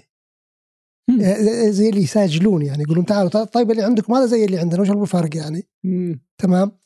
ف يعني يصير داخل على خط السجلات الفكرية. فيبدو إن الشيلات هي آه هي اختراع اخترعته بالنفس تواطأ عليه. فئات اجتماعية لأنها لازم تمارس الطرب لازم تستمع له لازم تروح تعيشه كحاله رقص وتفاعل مع المطرب والمؤدي أو شيء زي كذا. عبر الموسيقى هذا شيء موطر بالتأثيم يعني عليه دائرة حرام؟ تأثيم فبالتالي أي حدث يصير يعني إنه التفاعل مع المطرب بيكون مؤثم ومحكوم عليه سلبيا إذا وش يسوي؟ كيف ممكن يجي عبر الشلات فيبدو إنها كحاجة اجتماعية. ولهذا السبب هذا الانتشار الواسع. طيب وين راحت الأغاني أول شيء المفترض حقنا الشيلات يعطون مكافأة على هذا الشرح. بس الحين طيب ماذا عن الأغاني الشعبية؟ وين اختفت يعني؟ يعني لا لا تكاد تجدها. آه الأغاني الشعبية ممكن ترجع ترجع البيت الشعبي. رجعت اسلوب الحياة الشعبية. اللي we left it for good تركناه فبالتالي واضح إنها آه نمط حياة. okay. اللي هي الجلسات اللي بالمجلس اللي ما فيه كنب وعلى الأرض ومروة سعود وما عارف إيش وكذا. المجتمع تغير ترك الأشياء دي. فلما ترجع يعني مثلا أنت الآن حط بيوتيوب نسيت من السامريات يجري قلبي ولا ما عارف إيش. تجد أداء الآن المؤدين لها الجدد. لا يشبهون على الإطلاق. الشكل والسمت حق اللي قبل 40 سنة ولا قبل 50 سنة. فلأن نمط الحياة اليومية تغير فنمط الأغاني حقت يعني أنت طبعا تقصد بالأغاني الشعبية فهد بن سعيد صحيح. بشير شنان. آه ما اعرفه لكن. أوكي. ف آه، آه، يبدو لي ما دام نمط الحياة تغير هذولاك ارتبطوا بنمط حياة معين. ترى ما عاشوا فترة طويلة يعني إحنا نتكلم نتكلم عن ثلاث عقود مثلا أربع عقود. الثمانينات التسعينات يمكن نهاية السبعينات هل طيب الحين ذكرت مثلا إنه آدم إنه ما نقدر لأنه إحنا تركنا للأبد يعني. هذه آه، الأغاني الشعبية. آه، في من يرى أنه برضو انه الثقافة الشعبية جزء من الأشياء اللي إحنا تركناها. ننتقد ونحتقر لهجاتنا المحلية. ونذهب إلى اللهجة البيضاء الواحدة. وفي من يعزو ذلك إلى أنه هذا هو شكل من أشكال لأنه إحنا نحتقر ثقافتنا. آه، ولا يعني نعطيها احترامها. إنه هذا جزء من الأشياء اللي يخلي العرب آه، يمارسون العنصرية علينا أحيانا يعني. أو بعض العرب يعني. لا أجد رابط هو لما تطلع اللهجة البيضاء هذا يعني آه، نتاج حتمي أو نتيجة حتمية لأن الناس صاروا يعيشون مع بعض في مدن كبيرة مليونية. فتتطور هذه اللهجات داخل المدارس بين الأجيال. تصير هي لهجة ال... بس في أمريكا باقي. صح؟ اي يعني تفرق الاكسنتس موجودة. عندنا موجودة لكن ما هي بزي ما هي بزي أول موجودة. يعني ما هي بالفروق ذيك الكبيرة جدا. يعني مثلا لهجة الباحة ولهجة بريدة. ما هو لهجة بريدة موجودة لليوم ولهجه الباحة موجودة لليوم لكن خفت ال...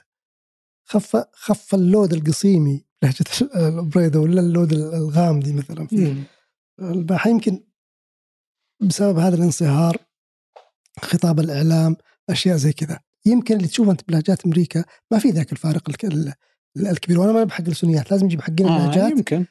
في فيها فيها آه زميلي يدرس صديق يدرس الآن لهجات في أمريكا دكتوراه إبراهيم نسيت الاسم إبراهيم العثمان أعتقد. آه. فالمفترض هو اللي لكنك أشرت إلى قضية ثانية اللي. إلى قضية إنه ربط يعني الأجيال لما تترك لهجاتها القديمة هل هي قضية احتقار ولا ما أنا ما اتصور انها قضية احتقار هي قضية إنه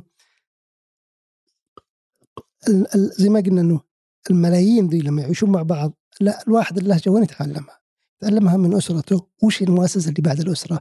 هي مؤسستين الرفاق والمدرسة صحيح. وهن مرتبطات مع بعض حتى الرفاق يصيرون من المدرسة فكون إن المدارس تصير فيها متعددين يعني يصيرون يتواطؤون على لهجة مشتركة فتطلع تصير هي هي اللهجة. فهي عملية حتمية للتغير الاجتماعي اللي قاعد يصير. ما في هذيك لا ارى في هذاك زي ما شفنا الشيلات بشكل تحليلي نشوف هذه بشكل تحليلي. ربما يعني بس إنه برضو إنه لا يزال مثلا إنه تجد آه، أهل القصيم مثلا أو أهل شرقي الجنوب جدة ياخذون اللغة البيضاء في حديثهم العام للناس كلهم. نعم نعم. ويترك هذا لهجته العاديه واحدة من واحدة من التسالي اللي اسويها مع عيالي أه. أطفالي إني أقول تعالوا أسوي لكم اختبار اللغة القصيميه أوكي. ويفشلون كثيرا يعني يجيبون مفردات اللي هو مو معروفه فهذه يعني شكل من اشكال التغير الاجتماعي اللي يعيش فيه المجتمع. يعني خلينا نشوف مثلا أفلام الإنجليز. لغة الأرستقراطية في المجتمع الإنجليزي اللي قبل مثلا 70 سنة 80 سنة كذا هل لا تزال موجودة اليوم؟ يمكنها يمكن موجودة إذا هي موجودة في قصر ويندسور وكذا. يعني صح يا لا لا بس إن هذه إنها موجودة يعني تلقى زبيري في بيته يتكلم زبيراوي. بس إذا طلع برا بيته خلاص عشان لحد يوجد, يوجد عشان لحد ينكت عليه بس. يوجد هوية مشتركة. إيه. لكن عجيب يعني اليوم أنت تعزو هذا إلى يعني إنه كونه خلاص وطن واحد. سيرورة لل يعني نتيجة طبيعية للتحول الاجتماعي. بالذات قضية المدن المليونية. ممكن. إن, إن, إن هذه أحد أشكال انها هي تصير بالمدارس أكثر شيء. طيب. تطور بالمدارس. خلينا ندخل الدول المدن المليونية. إيه؟ ونأخذ الدولة الوطنية الحديثة. نعم. ودي تشرحها في البدايه يعني ما هي الدولة الوطنية الحديثة؟ يعني؟ أوكي. الدولة الوطنية هذا هذا الكلام هذا المفهوم يعني هو كلمة الدولة موجودة الدولة العباسية الدولة الأموية فالناس يخلطون. هذاك شيء وذا شيء مختلف تماما. الدولة الوطنية هي هي كلمة nation state nation بعد slash بعدين state اللي هي الدولة دولة الأمة. هي لما نشأت هي مفهوم أوروبي. نشأ على أساس أنه زي ما إحنا عارفين بأوروبا مجتمعات بجنب بعض لها لغات مختلفة البرتغال بجنب إسبانيا وهذه لغة وهذه لغة. فرنسا بجنب إسبانيا ولغة فرنسا غير إسبانيا وألمانيا بجنب وهكذا وإنجلترا.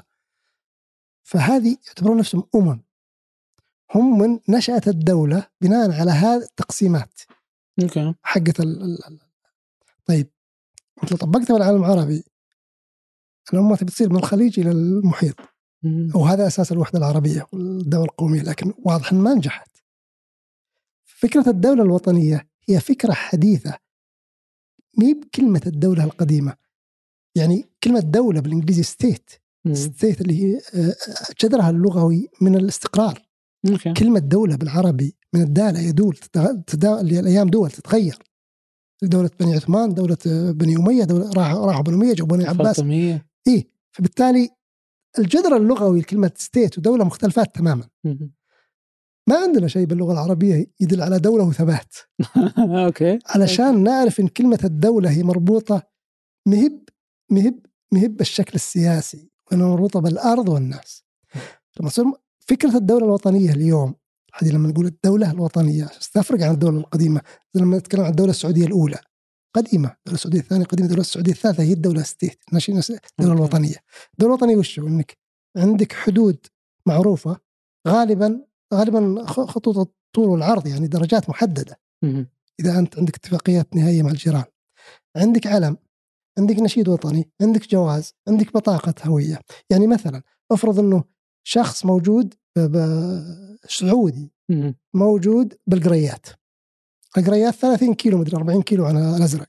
صح. بالاردن وواحد سعودي موجود آه، آه، بأبو عريش جيزان. ما أدري كم حدود عن بعدها عن اليمن. القرية اللي باليمن يمكن ما تجي 10 كيلو. لو يطلع قرار بإضافة بدل الغلاء ألف ريال بالشهر آه، يعني يمس اللي بأبو عريش يمس اللي بالقريات. لكن ما يمس لي 30 كيلو عن القريات ولا يمس لي 10 كيلو عن القريه الحدودية الانجازات صحيح. هذا هو مفهوم الدولة الوطنية. حدود محددة تأثر على الحياة اليومية للناس وهي الهوية وهي اللي أساسها ينتقل الإنسان من مكان. لمكان يعني لما أطلع شيل جوازي على أساس أدخل الدولة ذي ولا ما أدخل ولا آخذ فيزا ولا ما أخذ فيزا يختم لي ما يختم لي. وتكون العمليات الاقتصادية مختلفه هذه الفكرة ما كانت موجودة أول. أوكي. أول الدول يعني حسب سيطرة الولاة والحكام ومن عارف إيش بهالشكل. لما يدخل مفهوم الدولة الوطنية يصير بيزاحم بيصير هو الهوية. مفترض إنه هو ترى مفهوم مزاحم. يعني شلون؟ يعني يطرد مفاهيم هويات أخرى. أوكي. فيصير مثلا هوية الدولة الوطنية أنت جزائري ولا سعودي ولا مصري يسبق ولا ما يسبق ولا قديش ترجم بقضية هويتك الدينية ولا العرقية القومية خلينا نقول عربي يعني يمكن القومية العرب مو فقط عرقية يمكن لغة بعد. فلاحظ أنه إلى سنوات بسيطة لا عقود بسيطة هي مي واضحة قدام فهمنا. الآن بدأت تتبلور بشكل أكبر أنه ممكن تكون الهوية الدينية محايثة ولا بل ممكن متفوقة على الهوية الوطنية. أوكي. يعني ممكن تجد لك مثلا واحد لبناني مسلم سني. وعنده آه، لبناني مسيحي. هو ممكن يشوف إنهم اثنين لبنانيين ممكن يشوف إنه هو وأنت سنيين مقابل ذاك. طيب وين الهوية اللي تشتغل؟ تنجح الدولة بقدر ما تعطي أفرادها إحساس بأن هويتهم الوطنية كهوية جامعة للمجموع هي رقم واحد. فتجي مثلا في قضية يعني القرارات من اللي مثلا له حق آه، يعني تتعامل معه العمل توظف ما عارف إيش وكذا تتمكن من النفوذ. أنا أذكر واحد سعودي لما رحت أدرس اللغة أول ما بديت كان فاتح محل بال downtown حق سان فرانسيسكو. okay. محل عصيرات. مو بالغداء يجون كثير لأنه بال down بالمحل ال business يجي وقت ال 12 إلى واحدة break فيجون يتغدون مليان ما نجح مرة. قلت له وراه قال يا أخي ما عندي موظف أمريكي لازم يكون عندي موظف white American لانهم هذول white الموظفين على أساس يقبلون على محلك. هنا مفاعيل الدولة الوطنية تشتغل. هالاشياء البسيطة يعني. عجيب. طيب عن انت قبل شوي كذا ذكرت المفاهيم يعني.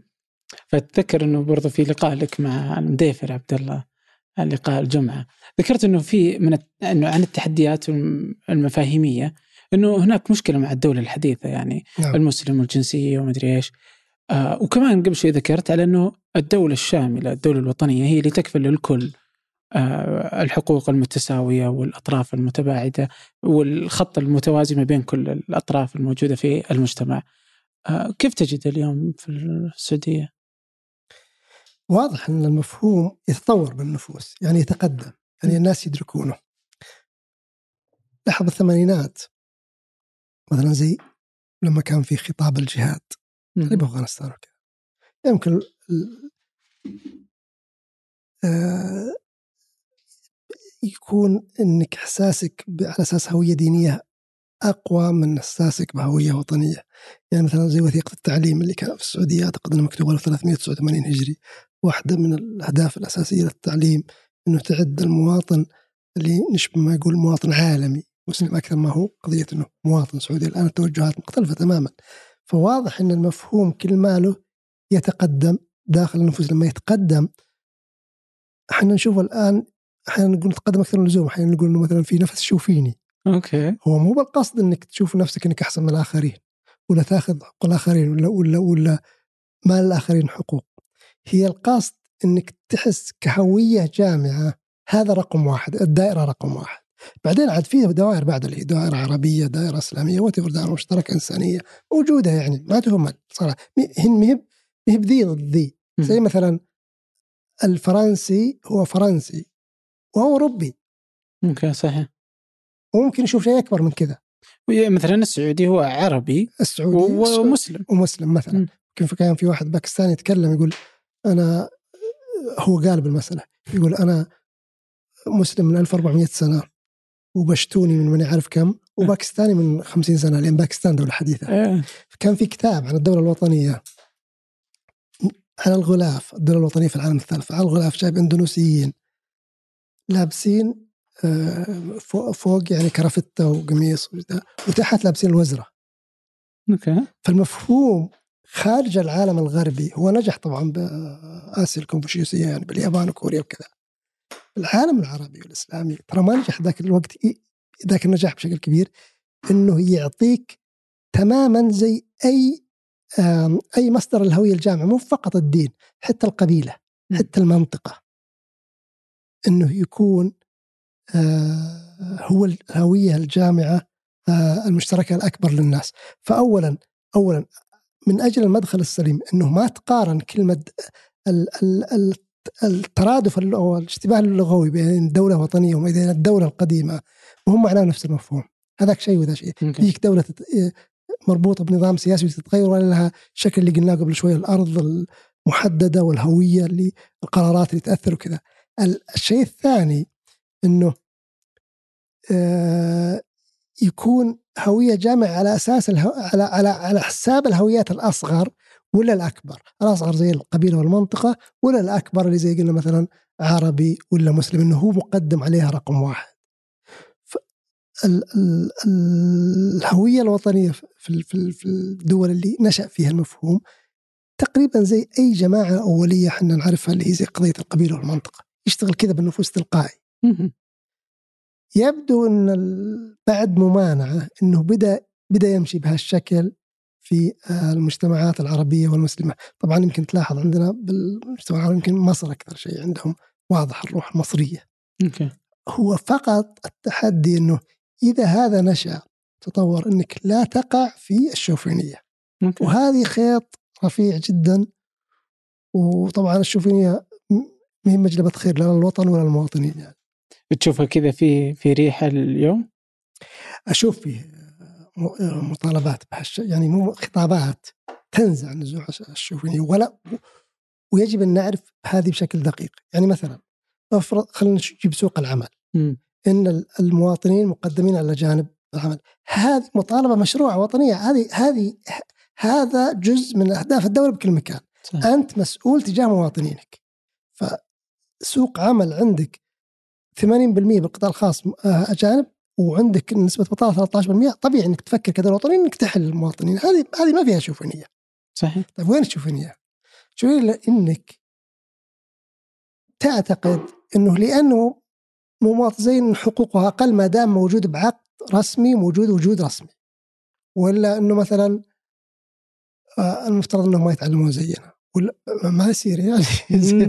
ولا ممكن ياخذ أي أنت تاخذ أي نوع من التعامل التمييزية له. ما دام موجود موجود وجود رسمي يعني خلاص. هو الحقوق العادية اللي خدمات تعليم الصحة المناخي زيه زيك يعني. مفترض يا. اكزاكتلي يعني فما ما ما ما تحط ذي زي ذي. فرص العمل للمواطنين رقم واحد. هذا شيء مشروع بكل مكان. لكن بالمقابل إذا أنا طلبت برفع مستويات السعودة وكذا مو معناه إني أقول إن إنه في لما أجي أدخل على مستوصف إنه أنا كسعودي دخلني على الطبيب قبل الاجنبي مو معقول. لا لا مو معقول. طيب في شكل أنت يعني هل تجده شكل آه، بدأ لأسباب معينة آه، في المجتمع اليوم في السعودية آه، وممكن يستمر ولا كيف تقرأ؟ شكل إيش يعني؟ الشوفينيه وال... إنه أنا سعودي هو هو انت مواطن. كذا أنت تشوف اليوم إنه كذا أنت آه أنت م. أجنبي. هذول هم اللي يسببون كل مشاكل أي مصيبة تصير أنتم السبب أنتم السبب. بالضبط. هي هي طبعا هي كلمة الشوفينيه يعني ما إحنا متأكدين إنه استوفينا الشروط حق هذا يعني مصطلح لازم يعني مو إحنا بس نقولها من باب التحذير يعني. لا يعني المبالغة والتضخيم. لكن إذا واحد جاء دخل شركة معينة وشاف إنهم أجانب يشتغلوا وقال المفترض إنه في سعوديين هذه مطالبة زي ما قلنا مشروع طيب منطقة. افرض إنه قال سبب مشاكلنا الأجانب. طيب هذا ممكن يتحول لخطاب كراهية. المفترض إنه ما يقال بهالشكل. ما دام الأجانب موجودين بشكل آه، مشروع أنت ممكن تقول إنهم في القطاع المعين يمنعون الساعة وهذا لازم تجيب آه، إذا في ألاعيب تجيب أدلة عليها. لكن ما تتجه إلى كراهية الأجنبي أو كراهية آه، أي بشر على أساس آه، وطني، يعني دائما تكون حذر من بث خطاب الكراهية سواء كان أساس ديني، أساس وطني لاي أساس. خطاب الكراهية لما يدخل بمجتمع يوجد التعصب وبالتالي يؤثر سلبيا على أفراد المجتمع، التعصب مو بشيء كويس لأي مجتمع، أنت عشان تتقدم محتاج إنك تنبذ آه، آه، هذه الأشياء. طيب على النبذ يعني اليوم كذا يعني تجد بون واسع ما بين آه، القوانين قوانين الدولة وقوانين المجتمع. تجد مثلا قانون للتجارة بالبشر مثلا ممنوع في السعودية لكنك تجد شكل من أشكاله موجود في الخادمات. آه، قانون العنف الأسري قانون واضح لكنه غير فاعل لدى المجتمع يعني بشكل أو بآخر آه، ولا يعني إذا أخذنا الأدوات الضبطية للحكومة فهي فاعلة لكنه المجتمع يتستر عليها ويجدها فعل ما بين إنه مبرر إلى إنه ما ما يتجاوز كونه فعل عادي يعني. هذه ترى طبيعية إنه آه، يعني وش اللي يدخل في صلاحية المؤسسات الرسمية ولا في صلاحية المؤسسات التقليدية الغير رسمية اللي زي العائلة مثلا؟ فافرض واحد مارس عنف مع أطفاله. اذكر في في جريدة الوطن أعتقد قبل 15 سنة أول ما طلعت الجريدة. في نشروا حاله واحد في مكة كان يعنف أطفاله. يعنف الجيران يدرون. يعني إنه كان يربطهم بالحوش بالسلاسل. فراحوا الجيران بلغوا الشرطة. الشرطة جو لمه طلع لهم قال عيالي أنا حر كون إنك تمنع العنف على الأطفال تراها تتكئ لمفهوم إن الأطفال مو مو بعيال آبائهم. أطفال عيال الدولة. أطفال أطفال الدولة. فأنت مسلمين لك ما دام قد المسؤولية. وانت قد المسؤولية تأخذهم الدولة منك وتعطيهم واحد ثاني قد المسؤولية. فالمفهومين نفسهم مفهوم إن الأطفال أولاد الدولة ولا أولاد آبائهم الطبيعيين مفهومين نفسهم مو منسجمين مع بعض. فطبيعي إنه يكون فيه آه، نوع من آه، إنه هذا ما يمشي على هذا موجود يعني هذا طبيعة بشرية بس. الدولة ما تسمح لن تسمح اجهزتها باستمرار هذا خلينا ناخذ مفهوم العنف الاسري لاحظ إن المفهوم بصراحة في المجتمع السعودي تطور بشكل سريع. يعني الحالة اللي قلناها قبل شوي ما فيه فرد عاقل بيستخدم نفس الحجة اللي استخدمها الأب اللي قبل شوي. لأنه خلاص انتهت ما هي بقضيه انك على كيف تتصرف بعيالك. الآن في قضية يعني قصور الأجهزة الضبطية ولا آه، جهاز عن جهاز يختلف. هذه عاد تحتاج مزيد من المهننة من المعايير المهنية والتنشئة المهنية للأفراد اللي يتعاونون يتعاملون مع القضايا هذه إنهم يفرقون ما بين ما هو حق للاسره يعني سواء كانوا شرطة ولا آه، مراكز العنف ادارات الحماية الاجتماعية بوزاره العمل والتنمية إنه ما هو حق الأسرة ولا هو حق وما هو غير حق. فهذه عاد تختلف. صراحة تختلف عندنا من جهاز لجهاز حتى بعد.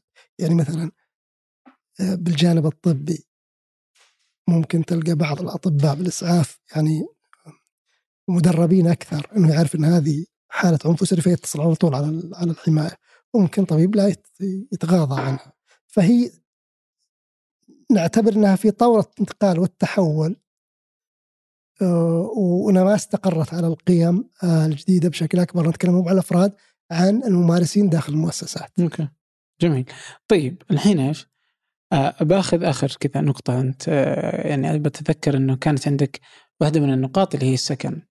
إيه فالسكن يعني إنه آه يعني منذ أن جت وزارة الإسكان إلى اليوم لا تزال برضو معضلة السكن واحدة من المعضلات اللي تعيشها نعم. آه، آه، الدولة آه، كيف تجدها اليوم يعني بعد هذه السنوات يعني كم صار لهم يعني تقريبا ست سنوات كيف تجد اليوم؟ لا تزال أزمة السكن أزمة السكن حل المدن المتوسطة الرياض المكتظة المدن الطرفية. طبعا أزمة السكن واحدة من المشكلات الكبيرة جدا في المجتمع السعودي. و إحنا شفنا بالوقت السابق أول ما نشأت وزارة الإسكان إنها وصلت لطريق مسدود. إنه أو يعني هي سوت مشاريع. لكن توزيع المشاريع ذي كان أكثر في المدن اللي ما فيها إشكالية سكن. لأن المدن اللي فيها إشكالية سكن فيها مشكلة الأرض. ما كان عندها قدرة تشتري أراضي يعني مشكلة السكن كما تتضح من إحصاء حق 2010 حق هيئة الإحصاء. هي موجودة أكثر شيء بأربع مدن الرياض والدمام وجدة ومن الملف تبوك هي المدينة الرابعة اللي هي قضية كم نسبة أرباب الأسر السعوديين الذين يملكون المسكن الذي يقطنون فيه. ففي المدن الأربعة ذي هم أقل من 50% أقل من 50% زين؟ طبعا هو النسبة للسعوديين كلهم 63% ليش؟ لأنه في بعض المناطق يطلعون فوق ال 80% اللي هي يطلع بيوت شعبية بلدات صغيرة يعني فهو بغالي الأرض. فهذه اللي رفعت النسبة السعوديين بشكل كبير. لكن في المدن الكبرى كان في عضال معضلة. الوزارة لما جت ما راحت للمدن هذولي لأن الأراضي فيها غالية. راحت المدن اللي تقدر تشتري أراضي وتبني تبني فيها. لما دخلت مرحلة جديدة قالت لا إنه يعني يعني أنا أذكر إنه في أحد المدن مدينه صغيره الوحدات اللي تبنيها الوزارة أكثر من عدد الأسر في المدينة. يعني لو طلعتهم كلهم وأعطيتهم وحدات آه، كفتهم. بينما في الرياض كان في حدود 2700 وحدة فقط. والعجز حدود 300 ألف أسرة. مم. كبير جدا. ولا كان في حل. إحنا لما جت الوزارة بالعهد الجديد مع الوزير الحالي واضح إنها حاولت تتبع مقاربات مختلفة بدل شراء أراضي وواجهت سد يعني جدار مسدود. فقضية التمويل انفتاح على التمويل التجاري شراء الشقق ماني عارف الإحصائيات إحنا محتاج لازم ننتظر 2020 السنة ما بعد بعد سنتين. هم من هو سنة الإحصاء. فبيصير في تعداد للسكان والمساكن. فتعداد المساكن وياخذ له كذا سنة على ما تطلع النتيجة نبي نشوف وش اللي صار لأن الآن ما عندنا حصر وبعدين إحنا نلاحظ إن الدولة الدولة نفسها جهاز الدولة السعودية تعاملها مع الأرض ملكية الأرض بالسنوات الأخيرة داخل بخط صارم مم. ما تملكت بطرق قانونية ايا كان تسحب الأرض فهذا قد من المؤمل إنه بيساهم كثير في حل مشكلة الإسكان. لأن مشكلة الإسكان بالمدن الكبيرة هي احتكار الاراضي. فإذا ما كان المتملك متملك بطريقة قانونية وإحنا شفنا أمثلة صارت تسحب. فالمؤمل إنها تدخل المواطنين فتساهم في زيادة العرض وبالتالي قل قلة الأسعار فيشترون المواطنين سواء منها ولا من أراضي ثانية أكثر ويستطيعون التملك. هذا بنشوف وش اللي بيصير لما يجي آه الاحصاء طبعا إحنا نعرف إنه 2030 خطة 2030 آه تستهدف رفع آه نسبية تملك السكان. م. أنا ناسي أرقام لكن تستهدف رفع وهذه طبعا يبغى لها 12 سنة عشان آه تقاس وتشوف كم وصل النساء فعلا يعني هي في تحديات كثيرة.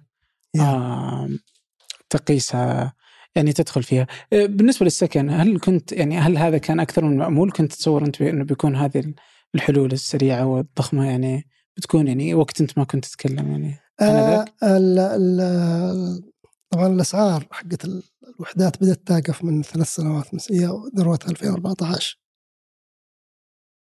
طبعا كنت امل يعني إنها تؤثر بشكل أكبر يعني مثلا لما جت اللي هو ضريبة رسوم الأراضي البيضاء. طبعا هي أربع مراحل فإلى الآن ما طبقت المرحلة الأولى. طبعا لو طبق المراحل الثانية بتساهم في آه، انخفاض الأسعار. بس واضح أن الوزارة تتبع نهج حذر في الموضوع أنها تحاول تخلق مناخ يؤدي إلى زيادة العرض. بدون ما تضغط كثير على الملاك يعني هي تحاول أن توجد شراكة وليس تهديد مع الملاك. وطبعا ملاك الأراضي بالسعودية تراهم فئة اجتماعية يعني قوية مؤثره يعني. فمحاولة إيجاد يعني إنه لازم إنه أوكي أنتم شركاء لازم تشاركون بدل ما هي الأراضي محتكرة إنها تكون تعرض بشكل أكبر. فاللي كنت امله شخصيا طبعا يمكن آمال شخصية يعني, يعني كنت أتأمل إنها تكون نتائج أسرع من كذا الأسعار يعني توقفت عن الزيادة بدأت تنخفض بنسب يعني مو بذيك الحقيقة مرة يعني بالرياض يمكن 15% شيء زي كذا فآمل إنها يعني تتسارع التغيرات بشكل أكبر يعني طيب. تمكين الناس يعني من طيب التملك. أنا بأخذ الحين بعطفها على مسألة اجتماعية وبكذا يعني أتصور نصل إلى آه، النهاية اللي هي اليوم السكن التغيرات الانتقال من مدينة لمدينة هالشكل الكبير برضو في تشكيل آه، الأحياء أظهر لنا اختفاء الحارة نقدر نقول كذا كيف تجد أنه يعني الحارة الجيران التعامل السعودي مع الجار آه أبناء الحارة هذه المفاهيم في المجتمع السعودي؟ والله آمل أن التغيرات الثقافية والتنظيمية اللي يمر بها المجتمع السعودي تعيد تشكيل هذا المفهوم، يعني شوف مثلا إحنا بدينا نشوف شيء من العودة للحارة، يعني قضية الحوامة أو القرقعان برمضان كانت يعني مؤثمة. بدعة ما بدعة بدأت ترجع الحارات. فعلا. فهذه توجدنا. لاحظ أنت وزارة الشؤون البلدية والقروية البلديات والأمانات بدأت تعترف بحقوق غير سواقين السيارات باستخدام الفضاء العام. فصار في الصفة يعني تحاول يصير في الصفة وهو آخره. فهذا يوجد فضاء يلتقون فيها الناس. المدن الصغيرة بالذات الرياض مثلا في المدينة القديمة أكثر يعني من الحارات الجديدة. البلديات حريصة على الملاعب ملاعب المنورة وكذا وإحنا نعرف إنه وهذه من الدراسات الاجتماعية إنه لما درسوا التطرف إنه جزء ما في ما في مناشط كثيره جدا فبدأوا بدأت البلديات تهتم في إيجاد حدائق وملاعب أساس الشباب يفرغون طاقاتهم فيها. فهذه قد توجد فضاءات في مراكز التنمية الاجتماعية الموجودة في بعض المدن وبعض الأحياء. فالمأمول إن الحارة تستعيد نشاطها عبر هال هالهياكل. طبعا معروف أن المؤسسة الأهم في الموضوع هي المسجد. م. المصلين والمسجد اللي يجون لهم البالغين أكثر شيء من الذكور. صح. فهذه عوالم الحارة. هل العيد على الحوامة على الحدائق إنها توجد عالم الحارة بشكل أكبر؟ الموديل. المشكلة إن هذه موسمية بعد يعني أنت تتكلم عن إيه، رمضان والعيد. بالضبط. بس ماذا عن أولاد الحارة يلعبون؟ طول ماذا عن الآن يعني... الآن كيف يلعبون؟ الآن يروحون يستأجرون هم صغار بس 12 13 يستأجرون ملعب مثلا من الفندق الفلاني الفندق الفلاني الساعة ب 100 ريال 150 يتقطون يلعبون. فاللي بيروحون للفندق هذول جايين من حارات كثيرة. صح. اللي هم زملاء بالمدرسة. ولا يعرفون بعض بالواتس ولا ما نعرف إيش. لكن مو ملعب جوا الحارة. أنا أذكر ما أدري من واحد من اللاعبين يقول كنا نلعب 24 ساعة. من المدرسة هو يلعب لمن ينام في الشارع مباشر لكن الآن علشان يلعب الولد لازم يتفق مع ذول بالواتس هم يحجزون هم يروحون أهله يودونه الملعب اللي يمكن يبعد 4 كيلو 5 كيلو 10 كيلو؟ فما في ذيك الفرص آه الكبيرة. اللي اللي كان في presentation مؤتمر وزارة الشؤون البلدية والقرويه قبل سنتين بس بالرياض. وكان في خبير استيطان من المتحدة جاي آه، سوى برزنتيشن اللي متجهة له الأمم المتحدة في نموذجها للمستوطنات البشرية الكبرى إنه قد ما تقدر إنك ما تستخدم السيارة حياتك اليومية. يعني إذا سكنت بحارة إذا أنت مدرس مثلا وزوجتك مدرسة فالمدارس بنفس الحارة تروح عند دوامك رجليك وتجي وعيالك أطفالك يروحون زوجتك تروح رجليك وأطفالك يروحون زين والمستوصف مو بعيد والبقاله ما بعيدة. فيقول إذا قدرت تخلي الرحلة اليومية ما بأكثر من 300 متر من البيت. طبعا. هنا تطلع الحارة. اي هنا الحين وين؟ أصلا تروح البقالة بالسيارة. المسجد تروح بالسيارة. نعم. ال ال يعني الأم ما تأمن على أولادها انه ينزلون في الشارع لأن ما في رصيف. بالضبط. يعني فممكن ممكن بقول قصة. هات. ال ال هي طريفة شوي. أول ما رجعت من أمريكا زوجتي مدرسة. فتعينت مدرسه بنفس الحاره اللي إحنا فيها. حلو. فقلت خلاص يعني شو تروحين ما كان عندنا سواق ولا شيء. الكلام دقيقة عام كم؟ آه 427 أوكي. وكنت أنا داوم جدة أنا ساكن بالرياض. فحسيت انها تروح لل المدرسة أرجلها أرجلها تعرضت للمضايقات. لأنه مو بعاد أن النساء يمشي كذا. فرحت أسولف مع ناس حقين قانون وكذا. قالوا شو تمشي على رجليها ليش ما تجيب له سواق؟ حق طبيعي. إنك تم حق طبيعي إنه فيه أمن إن الناس يستخدمون الفضاء والشارع. ما دام ما في أمن ما راح يستخدمونه. طيب إذا إيش يصير قدام التحدي؟ إننا نوجد للناس الإحساس بالأمان إنهم يستخدمون هذا الفضاء إنهم يطلعون للشارع لا يخافون. لا يخافون الاطفال من يطلعون لا يخافون هم إنهم يطلعون يروحون الحديقة ويجون. فهذا تحدي. يعني هو موجود عند اللي يخططون الحياة الحضارية وقائمين على تسيير شؤونها اليومية. آه هذول ما أدري وين رايحين يعني. اما إنهم غايبين آه نامل نامل ان الأمور ان شاء الله تزين. إن شاء الله يعني إن شاء الله يعني اللي أتمناه يعني هم آه دكاتره الاجتماع أنهم كذا يكونون أكثر نشاطا ويأخذون برضو يعني لعلك أنت الوحيد النشط بينهم يعني يحضرني.